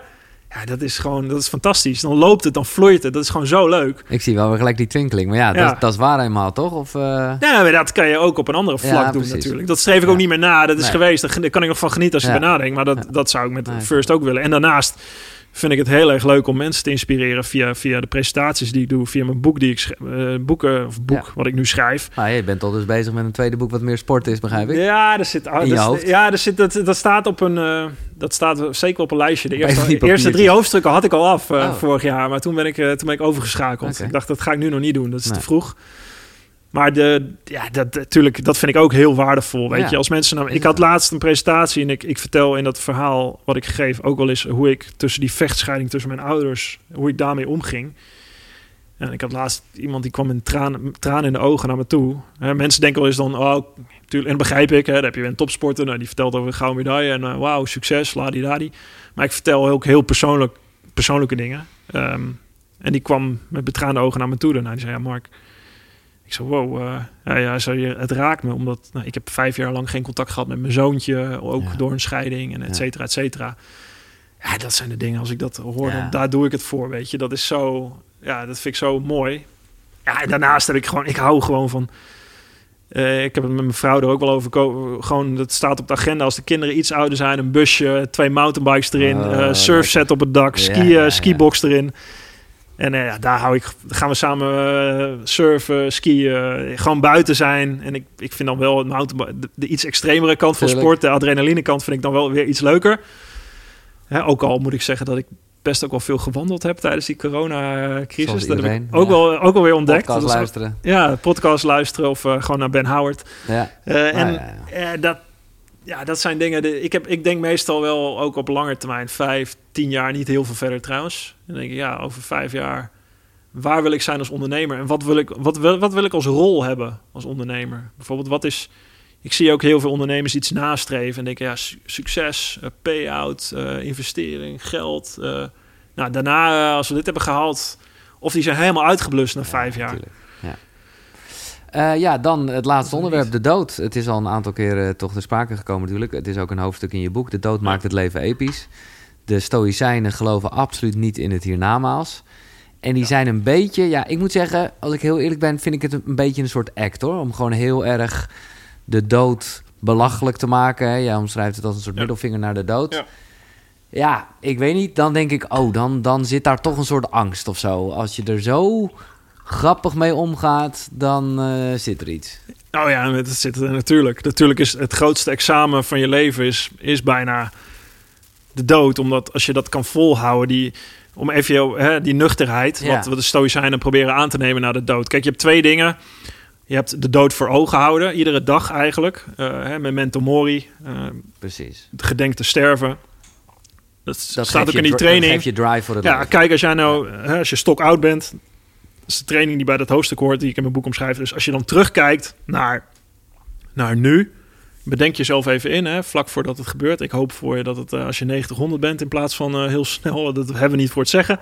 Maar stel dat als je heel oud bent en je kijkt terug naar de dag van nu, de keuzes die je vandaag maakt, maak je die om dan te kunnen zeggen, ja, dat was mooi, dat is goed. Ik heb daar geen spijt van daar, het is goed om daarbij na te denken. Maar aan de andere kant, wat de Stoïcijnen natuurlijk deden, en daar ben ik wel met je eens, de act die ze opschrijven. Kijk, dat is een beetje hoe ze het opschrijven. Om je een voorbeeld te geven, hè, Zeno, de oprichter van het Stoïcisme, dat wordt beschreven.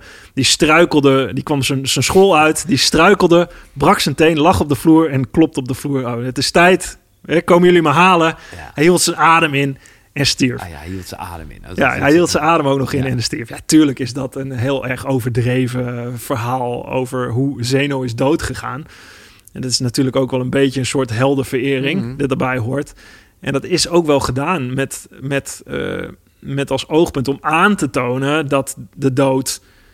Dat iedereen doodgaat om een soort nuchterheid daarin te hebben. Hè? Ja. Chrysippus, die, eh, die, die, het schijnt dat hij stierf eh, doordat hij een, eh, een egel, of een, sorry, een ezel, ezel die alcohol had gedronken zag en daar zo van moest lachen dat hij in een lach. lachbui storf. Een andere lezing is Ja, dat hij in een Olympisch banket verzeild raakte en daar eh, bezopen raakte en zich volvrat. zich, nou ja, hij raakte bezopen, hè, gewoon eh, een soort eh, alcohol. Hij, hij zoop Oh, gewoon te veel en daardoor liet hij het leven. Wat, nou ja, na een Olympisch banket, die, die kunnen wel eens uit de hand lopen, weet ik uit ervaring inderdaad.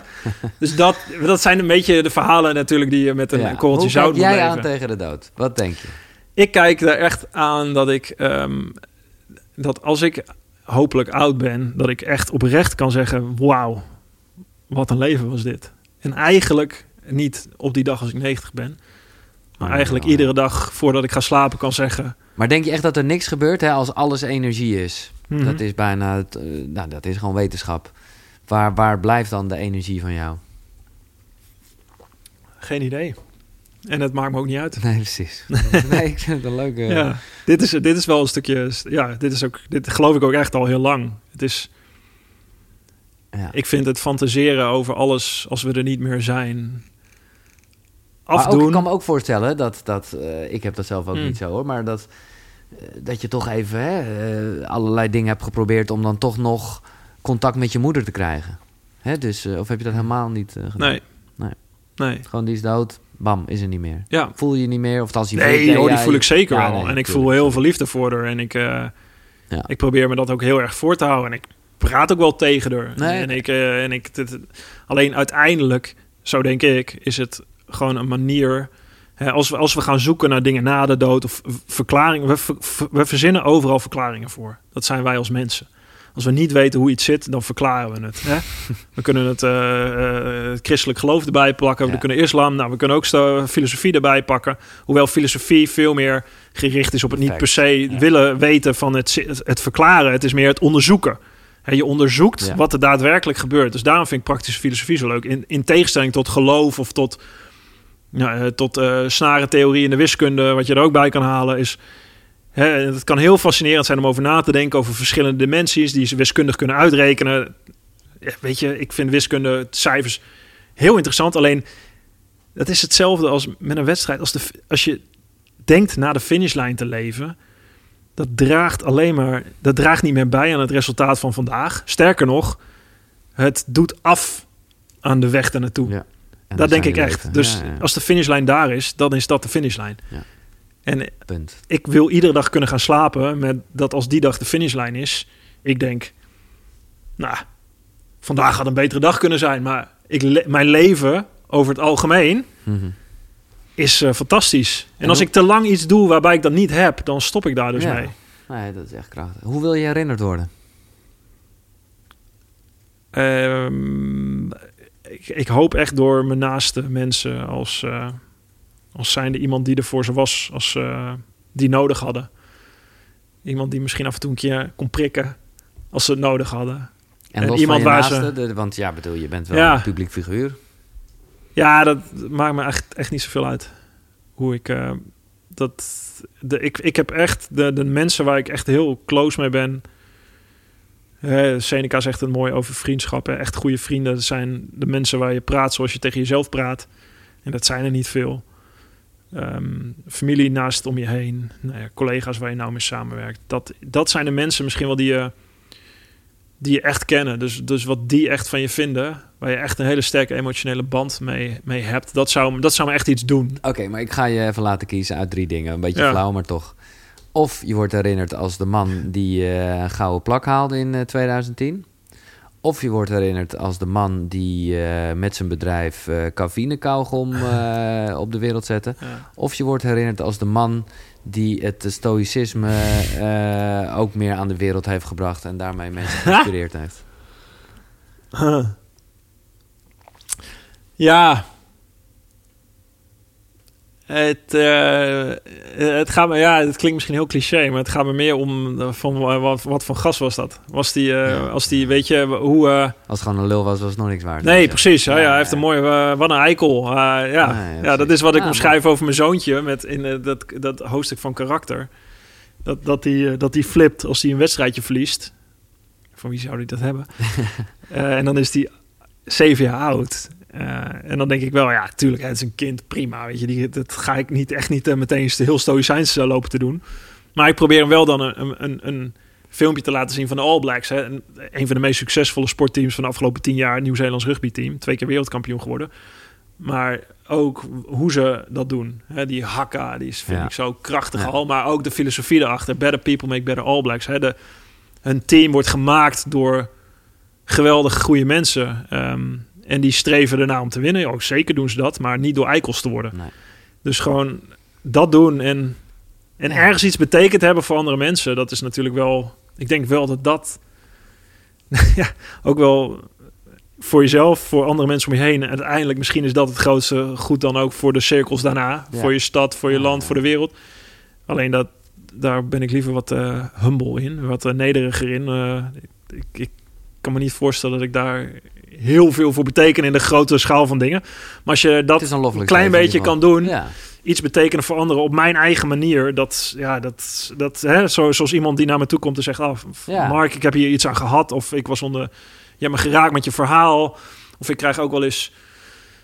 eh, laatst of via Instagram berichtjes van eh, zo, ik heb je verhaal gelezen of ik heb je boek gelezen of een stukje gelezen of ik heb, op- ik heb je talk gezien en ik heb daar iets aan gehad. Ik, ik kon daar iets mee. Het gaf mij een nieuw inzicht of en ook voor mijn podcast, bijvoorbeeld andere mensen die ik interview. Hey, eh, nou, Els van Stijn bijvoorbeeld, Ja. heb jij, heb Ja, jij ja, je ja. podcast? Ik ook. Vind ik fantastisch. Eh, weet Ik je? vind het ook mooi dat, eh, maar dat heb ik je al eens gezegd in privé, dat ik het zo mooi vind dat jij daar ook echt zo jezelf blootlegt.